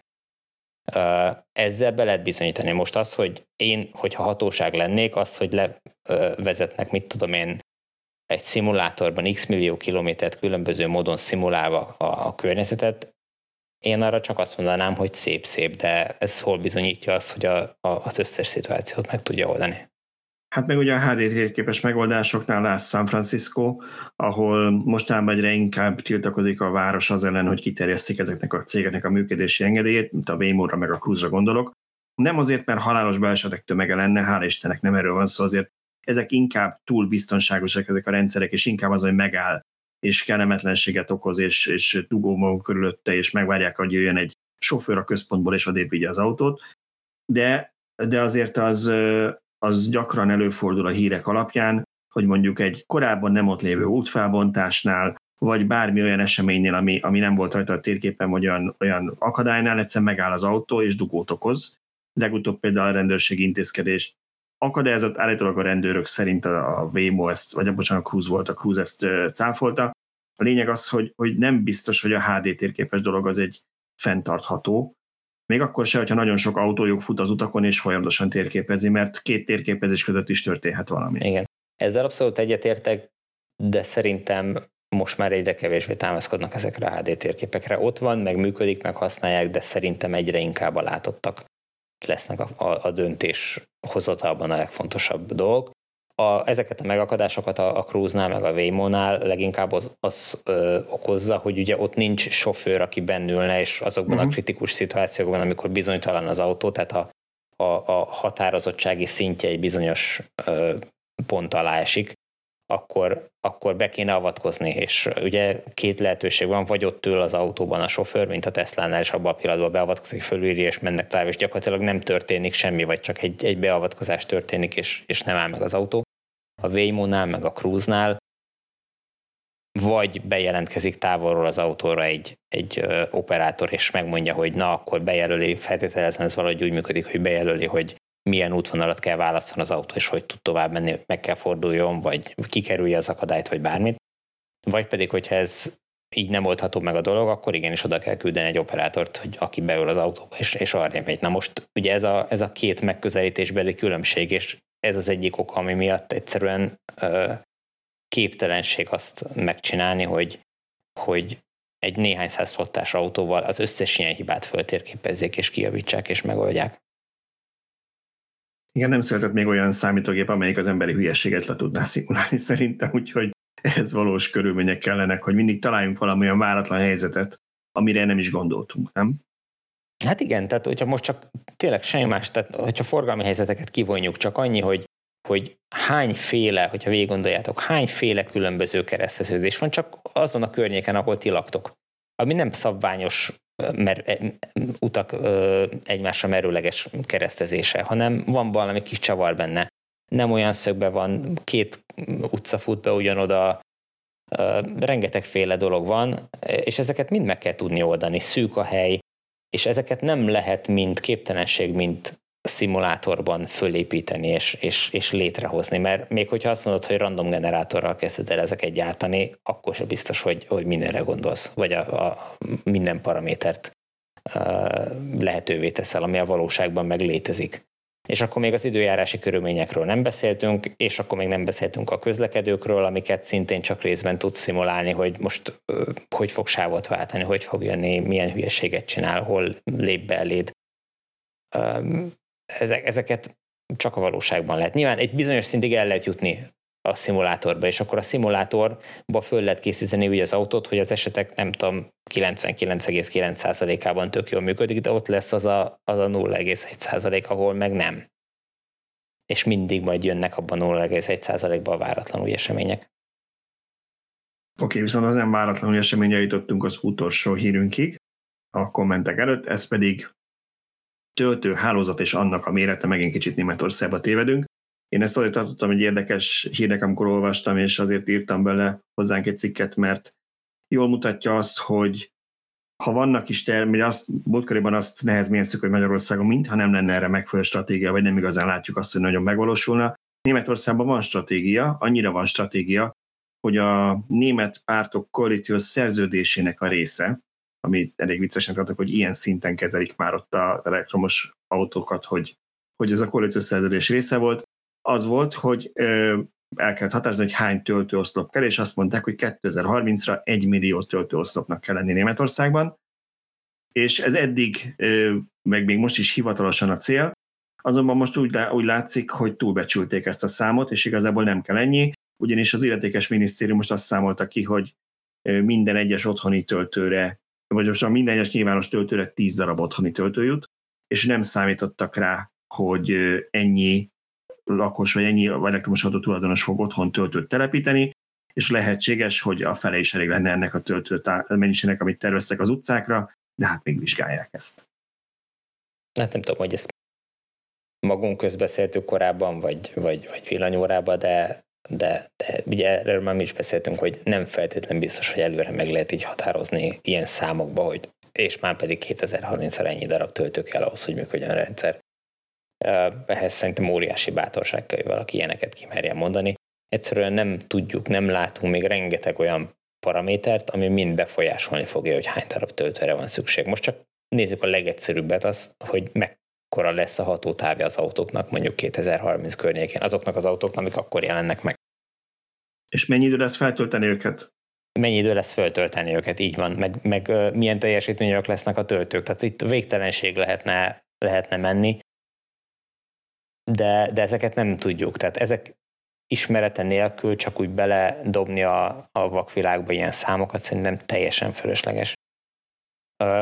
Én azt mondom, hogy a megfelelő szabályozással a, a segítve a töltőhálózatoknak a terjedését, rá kell bízni a piacra, mert hogyha könnyen tudnak bővíteni egy-egy töltési helyszínt, vagy t- könnyen tudnak új töltőhelyeket kiépíteni ezek a, a szereplők, akkor ki fogják építeni azt a mennyiséget, amire szükség van. Hogyha mindenféle adminisztratív akadályokkal segítik ezeknek a megjelenését, akkor tényleg gond lesz.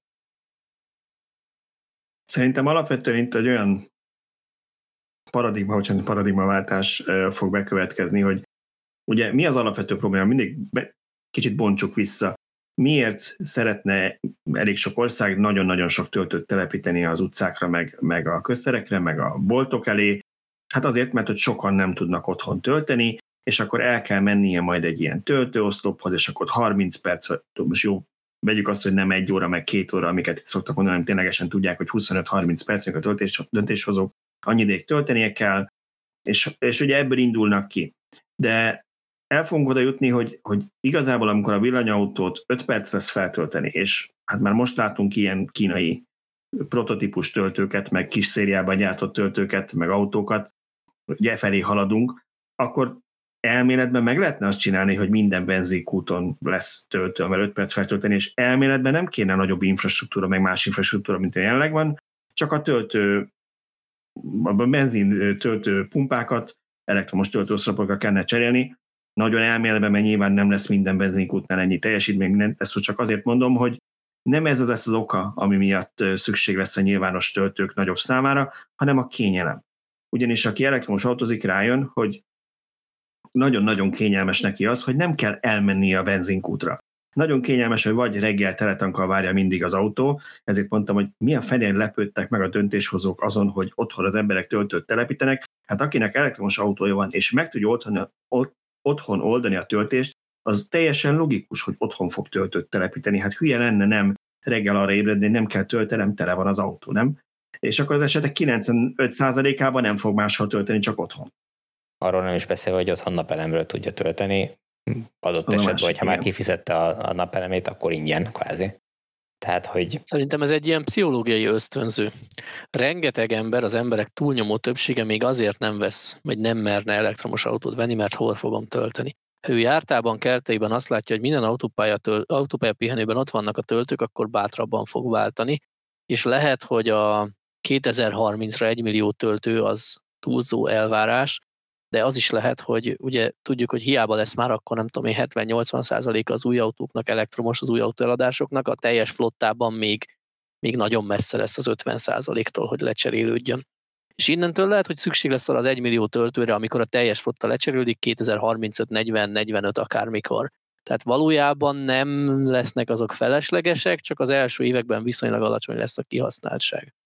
Ezt talán azzal lehetne áthidalni, hogy sok helyre kell nem extrém sok töltőket. Tehát lehet, hogy nem ezeket a 30-40 állásos töltőket kellene erőltetni, hanem letenni, mit tudom én, minden autópálya pihenőbe 2-4-6 töltőt, és amelyikben azt látják, hogy magas a kihasználtság, ott villámgyorsan bővíteni.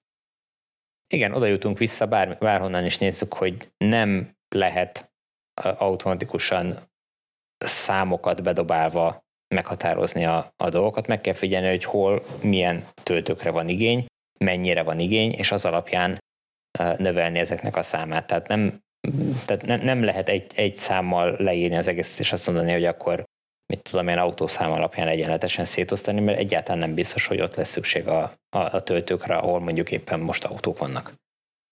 Ez igaz, de azért én mindig azt mondom, hogy én értem, hogy miért próbálnak ilyen számokkal jönni, mert ismerve, hogy tehát valahol meg kell tervezni azt, hogy milyen infrastruktúra lesz szükség, mert ezt nem két nap kiépíteni. Tehát nem lehet hogy elindulni, hogy hát akkor valami lesz, itt van, le lehet, élünk, látunk olyan országot, bocsánat, ahol, ahol ez így működik, hogy hát majd valami lesz ebből, nagyon nem kell ezzel foglalkozni, de én nekem szimpatikus az, hogy a hollandoknál, a németeknél ezt előre megtervezték. Más dolog, hogy ezt alakítani kell a, az élethez, tehát amit látnak, tapasztalnak, ahhoz alakítani kell.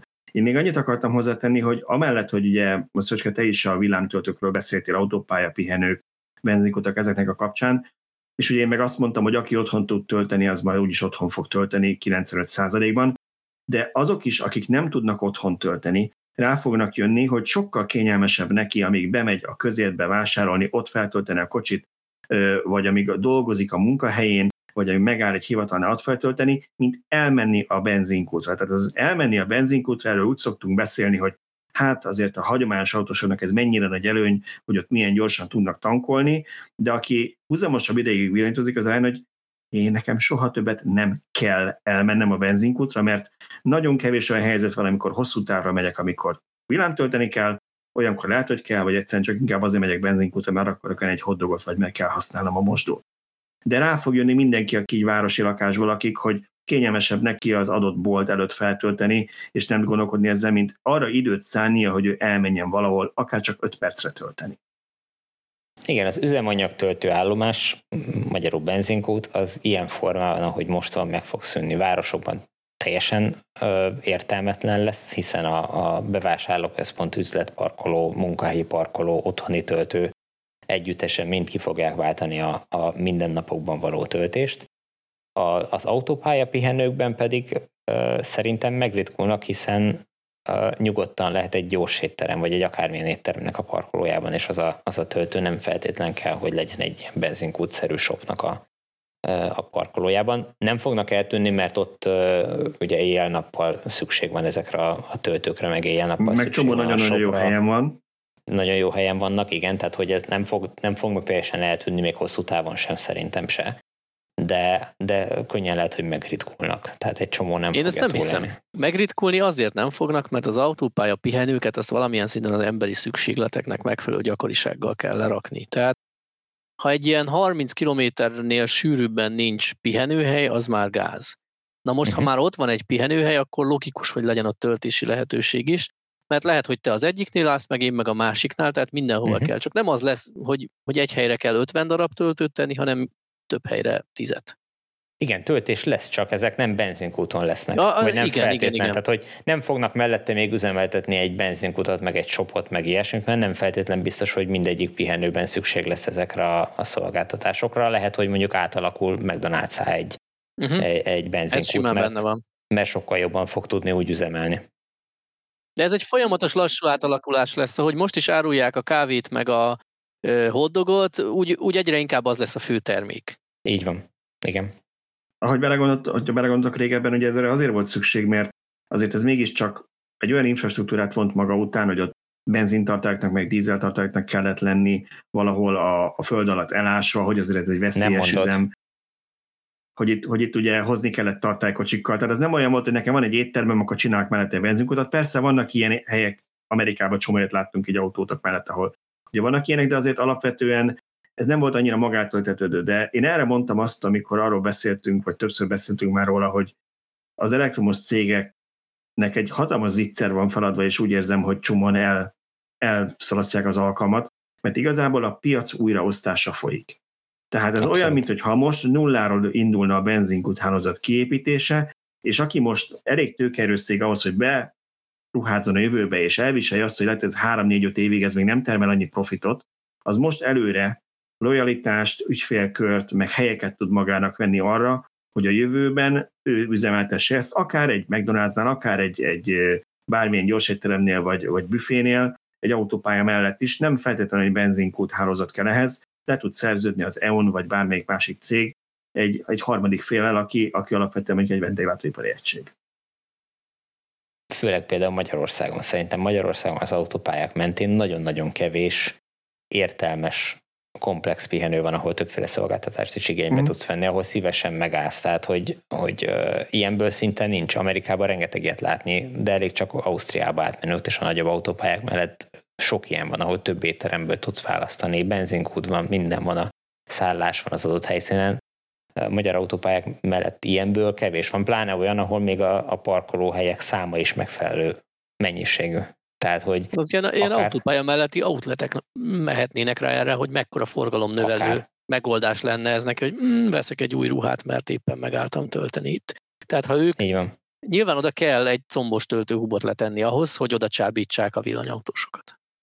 Hát én amikor ugye Olaszországba mentem, pont ugyanez volt, hogy megnéztem, hogy kb. hol kell majd, hol érek oda dél körül, mert úgy ennék is akkor, meg úgyis tölteni kell, és egy nagy bevásárlóközpontnak a parkolójába volt lerakva vagy 20 Tesla töltő, addig én egy órát eltöltöttem ott, végül nem vettem, nem tudom én ruhát, meg ilyeneket, de alapvetően akár vehettem is, van inkább én kajálással töltöttem az időt, és addig ott sétálgattam, meg nézegettem a kirakatokat, úgyhogy ezeknek a boltoknak tényleg jól felfogott értékük, mondjuk nem árt, hogyha jó helyen van, mert ez az autópálya mellett volt egy köpésre, és nem volt hosszú lehajtó. Nyilván, de, de akár teljesen új pihenők is kialakulhatnak a jó helyen lévő lehajtók környékén. Uh-huh. Igen. Na jó, akkor térjünk át a kommentekre, hogy azokkal is foglalkozunk még egy kicsit a mai napon. Megint válogattam párat különböző tematikákban, úgyhogy kíváncsi leszek a, reakciótokra. Az első az Ausztriából jött az első komment, egy külföldi hallgatónk posztolta. Bocsánat, de mielőtt beolvasom, külön ki akartam, mert meg akartam köszönni Jakab Hajdok Lászlónak és Édes Endrének, akik ilyen szuper köszivel a Youtube-on még külön egy pár forintot is küldtek nekünk. Tényleg nem elvárás, meg nem kalapolni akarunk, de nagyon jól esik, amikor valaki értékel ennyire a munkánkat, hogy köszönjük szépen nekik ezt. Szóval az osztrák kommentre visszatérve, valaki azt írta, hogy arra, arra reagálva, hogy mondtuk, hogy hát milyen áram, elektromos áramárázások lesznek, meg mennyire lesz komplex ügyfélnek az, hogy mondjuk többször változik az elektromos áramára. Azt írja, hogy náluk az avattar, csokoltatom a marketingeseket, hogy megint sikerült egy ilyen kín, kínlódós, izzadságszagú, jobbpofis nevet kitálni, szóval az avattar nevű áramszolgáltatónál óránként. Mert hogy bocsánat, ez, ez, ez WATT, igen. tehát a watt benne van, vagy el van igen, igen, nem, igen, bocsánat, igen, de úgy néz ki, mintha az avatar lenne, csak dupla tével és nagybetűkkel van a watt szó bele, belefűzve. Gyönyörű. Szóval lehetőség van, tehát óránként változik az áramára, és lehetőség van API-on keresztül automatizálni a kedvező villanyár esetén az autók töltését, illetve az akkus energiatárolók feltöltését, a melegvíz készítését, tehát ha neked olyan okos rendszer van otthon, amit ezzel össze tudsz kapcsolni a szolgáltató rendszerével, akkor, akkor minden nap 14 óra körül értesülsz a következő nap árairól, és akkor fog tölteni az autód meg a boilered akkor melegít, amikor olcsó vagy akár negatív az áramára, nem akkor, amikor drága és óránként változik. A marketingesük maradhat, a termékfejlesztőket átvesszük, jöhetnek. Igen, szóval ez mindenképpen nagyon érdekes. Nekem nagyon tetszik, tehát hogy ezt, ezt valahogy így kéne csinálni.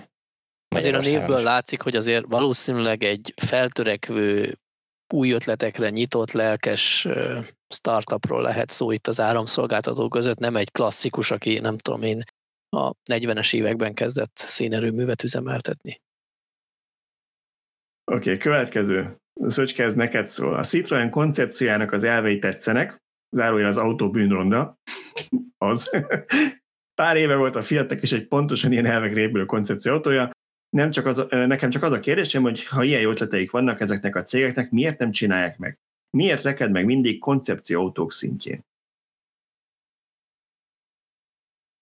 Nagyon jó kérdés.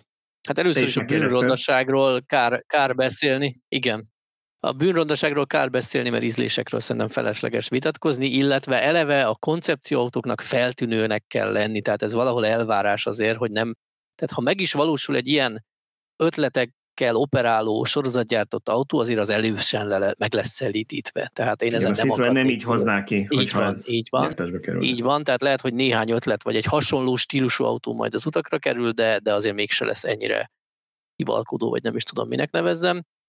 És igen, ezt én is, én is feltettem ezt a kérdést, hogy, hogy lesz-e ilyen autó, vagy, vagy ezek az ötletek meg be fognak-e kerülni egyéb autókba, és hát nem mondtak erre konkrét választ, valószínűleg ha tudják is a választ, akkor sem mondhatták volna el, de az is lehet, hogy még, még nincs is egyértelműen eldöntve, viszont úgy, úgy azt lehetett sejteni, hogy mivel annyira pozitív a fogadtatása ennek az autónak, leginkább ezeknek az ötleteknek, tehát én már láttam ott is, tehát azzal az újságíró csapattal, akivel ott voltunk, mindenkinek tetszett az autó. Tehát Nyilván senki nem úgy ítélte meg, hogy akkor én ezt holnap haza akarom vinni, és mostantól ezzel közlekedek, de ezek az ötletek, ezek úgy mindenkit megfogtak egy, egyértelműen.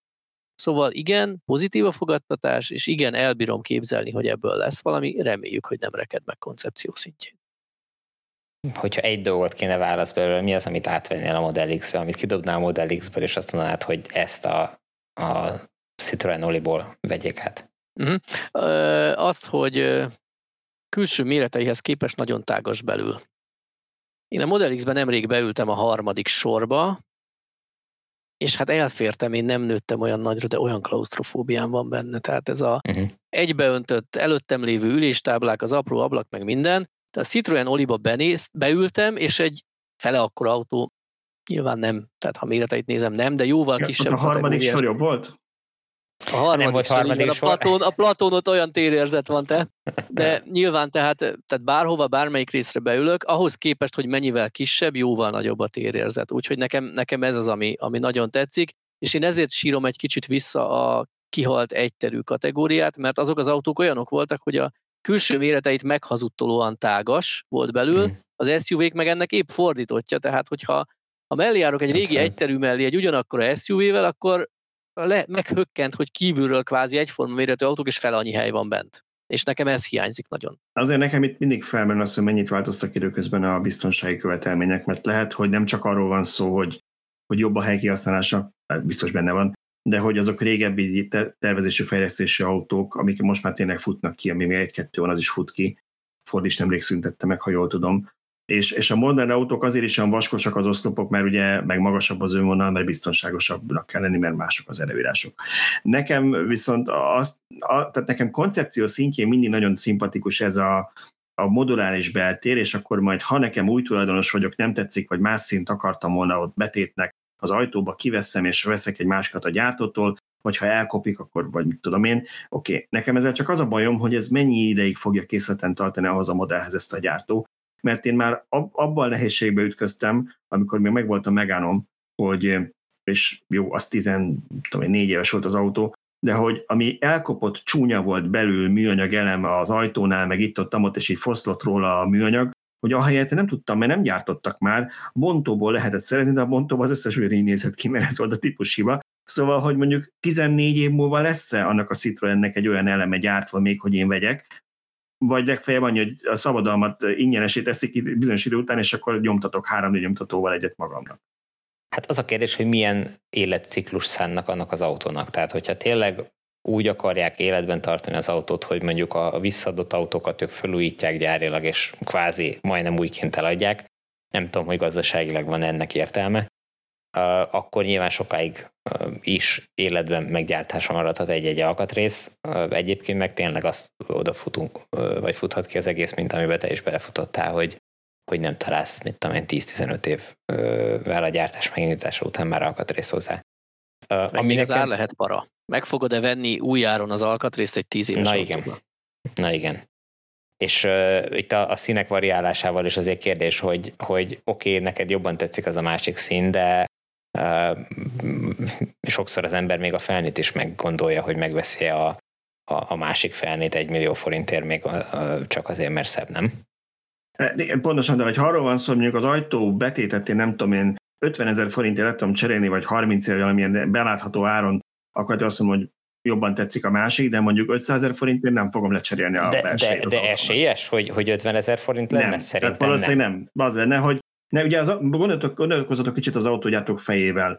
Ugye neki mi éri meg? Az éri meg, hogyha minél többet tud keresni egy autón. Akkor ő el akarna adni egy új autót, mert azon jóval többet keres. Ha neked ő, ugyanez az akkucserélő, amit beszéltünk, mert hogy a, Igen. miért nem lehet nagyobb akut venni az autóba kategória, hogy hát lehet, csak azért annyit kérnének, hogy egy új autót kapsz azért, mert neki nem éri meg nem eladni Pontosan az új van. Pontosan így van. Itt az lehet érdekes, ha beindul egy beindul egy másodlagos piac ezeknek a cserélhető alkatrészeknek, hogy valaki megvett zölddel a használt autót, nem feltétlenül utángyártott, hanem a gyáriakat is el fogják hmm. adni a, a marketplace-en, és azt mondod, hogy hm, találtam egy pirosat, nekem az jobban tetszik, mint a zöld, amivel men- megvettem az autót, és akkor majd továbbadom a zöldet, megveszem a pirosat használt áron. Hát ehhez az kell, hogy, hogy az első adag ember az megvegye a gyártól a Igen. B verziót. Tehát ahhoz az első adagot a, a B verzióból a gyárnak relatíve olcsón vagy megfizethető áron kell Igen. adnia. Hát majd itt jönnek, tudod, az ilyen trükkök, mint amikor régen vettél mobilt 3210-est, és kétféle előlapot adtak hozzá, hogy cserélgethessd ahhoz ki- függően, hogy dolgozni mész vagy buliba. Majd lehet, hogy lesz olyan is, hogy a, a Citroen Oli sorozatgyártott változatát lehet piros meg kék belsővel kapni, és akkor attól függően, hogy apa vagy anya vezeti, mindig másikat tesz be. És akkor reggel egy órával korábban kekeljek, hogy átszereljem. Igen, mondjuk ezzel, a- ezzel a piros belsővel gyártották, hát ember legyen ez nagyon világít, az 5 biztos. percig meg tud maradni az autóban, igen. Már a fotók egyébként rontottak rajta, tehát élőben nem volt ennyire félelmetes, mint a fotókon. Vagy én nem tudok fotózni, vagy, a, vagy a, az eszközöm nem szerette ezt az erős szint. A, a piros az egy nehéz szín, meg ez a narancsárga, ez nehéz szín fotózni, tehát hogy ez, ez abszolút így van. Ami ö, bennem még így, így fölmerült kérdésként, ugye, hogy, hogy ö, sokat egyszerűsítettek az ülésen, tehát hogy ami, ami de bekerült, az egy viszonylag ö, egyszerűen kialakított ülés, és ezen én már sokat gondolkodtam, hogy miért ilyen iszonyatosan vaskosak az autókba szeretülések. Ugye rengeteg helyet elfoglalnak a hátulülők lábából is, miközben, hogyha felszállsz egy repülőre, nagyon vékony, és ahhoz képest nagyon stabil ülések vannak a repülőkön. Hát egyértelműen a komfort, hogy ahány ember annyi féle, te felfújod a deréktámaszt, a másik leereszti, mert neki úgy kényelmes, és szerintem azért vaskosak és költségesek és állnak sok alkatrészből az ülések, hogy mindenki testre szabhassa és kényelmesen üljön benne. Én az Oliba, ugye hát mit tudom én, egy negyed órát vezettem kb. Meglepődtem, hogy tök kényelmes volt, de én ilyen viszonylag átlag méret, talán az átlagnál alacsonyabb vagyok, tehát lehet, hogy nekem jó, ha valaki magasabb, még tőlem is alacsonyabb, vagy testesebb, akkor elképzelhető, hogy ő, ő utálta volna. Én rosszabbat, rosszabbra számítottam, mert ugye nyilván nem volt 26 féle testre szabási lehetőség, pont amiatt, hogy le van egyszerűsítve az ülés, de egész jó volt benne ülni. Nem tudom, nekem az a tapasztalatom, így rengeteg tesztautó után, hogy ami ülést nagyon sokféleképpen lehet beállítani, azt általában nem szoktam tudni beállítani egy hét alatt se normálisan, úgyhogy az kényelmes legyen. Miközben, ha beülök egy Dacia Springbe, annak az ülése tök komfortos. Emlékszem, hogy beültem az EA-ba, annak az ülése tök komfortos, alapból. Tehát oké, okay, én se vagyok egy, egy magas valaki, tehát hogy nyilván ez részben segít, de, de nem vagyok benne biztos, hogy attól, mert sokféleképpen lehet állítani egy ülést, attól komfortosabb lesz. Hát kicsit elkényelmesedtek a gyártók, mert úgyis mindenki a 12 gombbal beállítja magának úgy, ahogy kell, csak ezzel meg túl drága, meg komplikált lett. De egyébként Na, van ilyen törekvés, bocsánat, csak Nem. tényleg még egy mondat, sose legyen vége az adásnak, biztos lesz, aki örül ennek. Pont a, a Kia promózta azzal az új Nírót, hogy vékonyabb lett az ülés, ezért tágasabb a hátsó lábtér, és én ezt nagyon tudom támogatni, egy fontos fejlesztési irány. Én is egyetértek vele. Oké, okay. szóval a következő kommentet azért válogattam be, mert uh, annyiszor előjön ez, és én már egyszer utána néztem, most újra utána néztem, mert kicsit, kicsit utálom a demagógiát, szóval az akugyárak kapcsán jött megint elő hogy a probléma az akugyárral az, hogy a mezőgazdaság kárára megy. És annyira azért nem zöld az aksi, hogy azt lehessen enni kaja helyett, szerintem, ha a gyárat vajon pusztára akarnák rakni, akkor nem problémázna ennyi ember. Szóval, hogy én értem, hogy ez így nagyon gyorsan terjedt a közösségi médián, meg pár politikai párt is felvetette, hogy hát a mezőgaz, a föld, az értékes termőföld a Magyarországon, megnéztem, a 9,3 millió hektár földből 1,9 millió van kivéve a mezőgazdaságon lesz, amit iparra használunk. Mezőgazdasági terület 5,3 millió hektár az országban. 5,3 millió hektár, a CATL-nek pedig 221 hektáros területet adtak el, ez 0,004 százalék a magyar, értékes magyar termőföldből. Amellett, hogy ez matematikailag biztosan védhető, azért az nekem sem annyira szimpatikus, hogy például a Debreceni ipari parkról azt lehet hallani, nem néztem utána, de azt lehet hallani, ahol a BMW is épül, a CATL is épül, hogy az ország egyik legjobb termőföldje, termőterülete.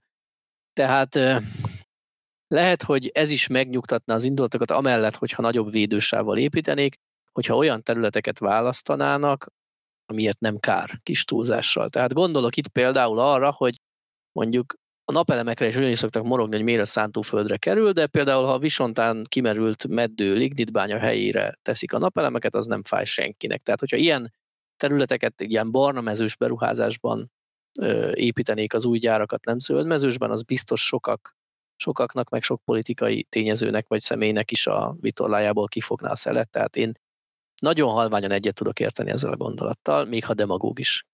Még egy rövid reakció csak erre, hogy én annó utána néztem, most nem fogok számokat mondani, mert már nem emlékszem, amikor ez először előjött, hogy Magyarország hányszor több mezőgazdasági terméket, azt hiszem búzát néztem, meg kukoricát, mennyivel többet termel, mint amit elfogyaszt. Tehát a magyar nyilván exportra termék, tehát ez azért a gazdaságnak a része, de nem arról van szó, hogy emiatt nem tudunk majd enni, mert elveszik, mert ugye az emberek fejében ez nem lesz élelmiszer, mert helyette akkugyárakat telepítenek, nem erről van szó, és nyilván azt is lehet mondani, hogy a mezőgazdasági export is fontos, Ugye ez már a, valamilyen szinten a közgazdaságtan dönti el, hogy most uh, mi éri meg valahol jobban, mert min lehet többet keresni, min lehet akár több embert is alkalmazni. Nem biztos, hogy ha ott én nem tudom, búzamezők lennének, akkor az ugyanannyi munkahelyet teremtene. Ettől függetlenül azért én is egyetértek, hogy ha vannak olyan gyárak, amik már tönkrementek, volt nagy szocialista üzemek, akkor azoknak a helyén lenne érdemes elsősorban ilyeneket építeni, bármifajta új gyárat nem. Kérdés az, hogy ki szeretné bevállalni azt, hogy mondjuk kármentesítse azt a talajt, amit mondjuk 50 évig egy szocialista üzem tönkretett. Hát meg nem beszél, hogy ezek a gyárak eléggé belvárosban vannak, eleve nem voltak talán eléggé külvárosiak, vagy távoliak, másrészt körben nőtt a település. Tehát mit tudom én, ha a csepelművek területén épülne egy ugye nem tudom az Budapesten, hogy vennék, holott az egy barna mezős beruházás lehetne. Ja. Igen, érdekes módon más beruházásoknál, amik szintén elég nagy területet igényelnek, akár itt a, a, a visontai szénbányák, vagy a, a, nem tudom, a Dunai Dunamenti finomító százhalombattán, hogy ezek mekkora területet foglalnak el, és milyen földterületen az senkit nem zavar. Én azért egyébként fenntartással kezelném ezeket a minőség, földminőségbeli dolgokat. Én nem láttam ezt a, a, az ellenzőkön kívül sehol leírva, hogy ez milyen minőségű talaj vagy, vagy termőföld. A másik pedig az, hogy, hogy azt a termőföld kiesést a technológiai fejlődéssel bőven-bőven lehet kompenzálni más területeken. Tehát, hogy igazából a, a termelékenység, meg a, a megtermelt mezőgazdasági termény az akár nőhet is annak ellenére, hogy kiveszünk a, a termőföldekből. Meg amúgy Lacinak volt erről egy cikket, tessék megnézni, hogy hány hektáron termesztünk repcét, aminek a java biodízellé válik a jelenlegi kamionok terautók üzemanyagaként végzi.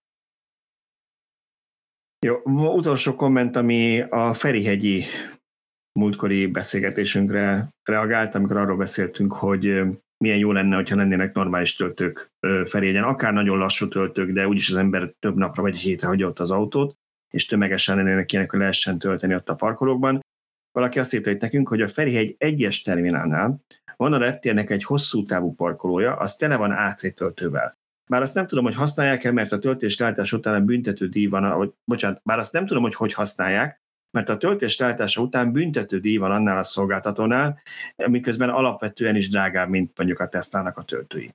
Úgyhogy az kérdés, hogyha valaki ott hagyja egy hétre az autót, és mondjuk első nap feltölt, akkor szeretne még hat napig büntetést fizetni, ez nem biztos, hogy át van így gondolva. Pont, pont erről beszéltem a múltkor, hogy azért kell rengeteg ilyen AC töltő viszonylag kis teljesítménnyel, hogy ott hagyhassam egy hétre, mert a reptélnél ez az életszerű. Igen, én mondjuk ránéztem a, a plugshare és én nem láttam felé egy egynél ilyen ö, töltő sort, a térképen megjelölve, meg megnéztem néhány szolgáltatót is, úgyhogy nem tudom, hogy, hogy melyik szolgáltatónál van, és nyilvánosan elérhetők ezek a töltők egyáltalán. De ez az, hogy lehetséges, hogy azt a hallgatónk nem tudja esetleg, hogy ez lehet, hogy belső használatra készült, és lehet, hogy rajta látott egy olyan logót, ami egy ismert, mondjuk hazai töltőszolgáltatónak a logója, de nem nyilvános töltő, hanem mondjuk csak a reptér dolgozói. Vagy Na ezt majd biztos, biztos megírja nekünk a választ. Ha valaki tudja, akkor írja meg, igen. igen. Jó, de Ferihegy kettőre továbbra is szeretnénk így van, tehát az lenne az életszerű, mert hogyha a járatok Ferihegy 2-ről mennek, akkor teljesen fölösleges Ferihegy egyen úgyse ott fogok parkolni, mert nem tudok Igen, én, én, én, több embertől kaptam ilyen tippet korábban is, hogy ugye van vecsésen több ilyen kisebb-nagyobb parkolás szolgáltató, akik transfert biztosítanak.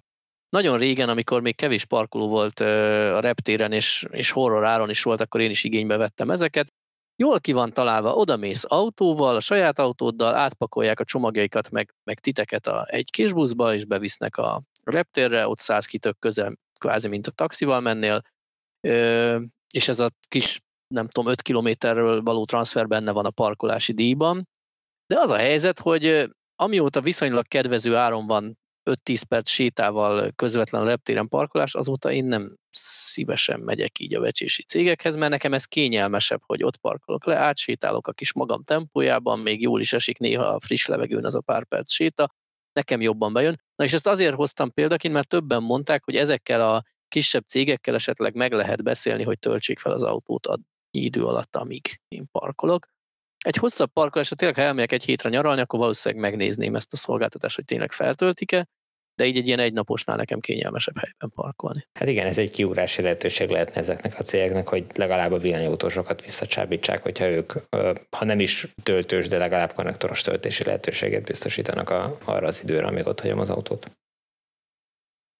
Jó, hát akkor ennyi minden fér bele a mai villanyórába, és szerintem, ha semmi nem történik, akkor jövő héten ugyanitt. Most ha semmi nem történik, akkor nem, akkor nem lesz miről beszélni, de ha váratlan események nincsenek, amiket megakadályoznak, hogy jövő héten ugyanitt veletek a következő villanyórában találkozunk. Sziasztok! És addig szavazzatok a Tesla szavazáson a magyarországi helyszínekre, hogy minél több legyen benne az első ötben Európában. Sziasztok! Sziasztok!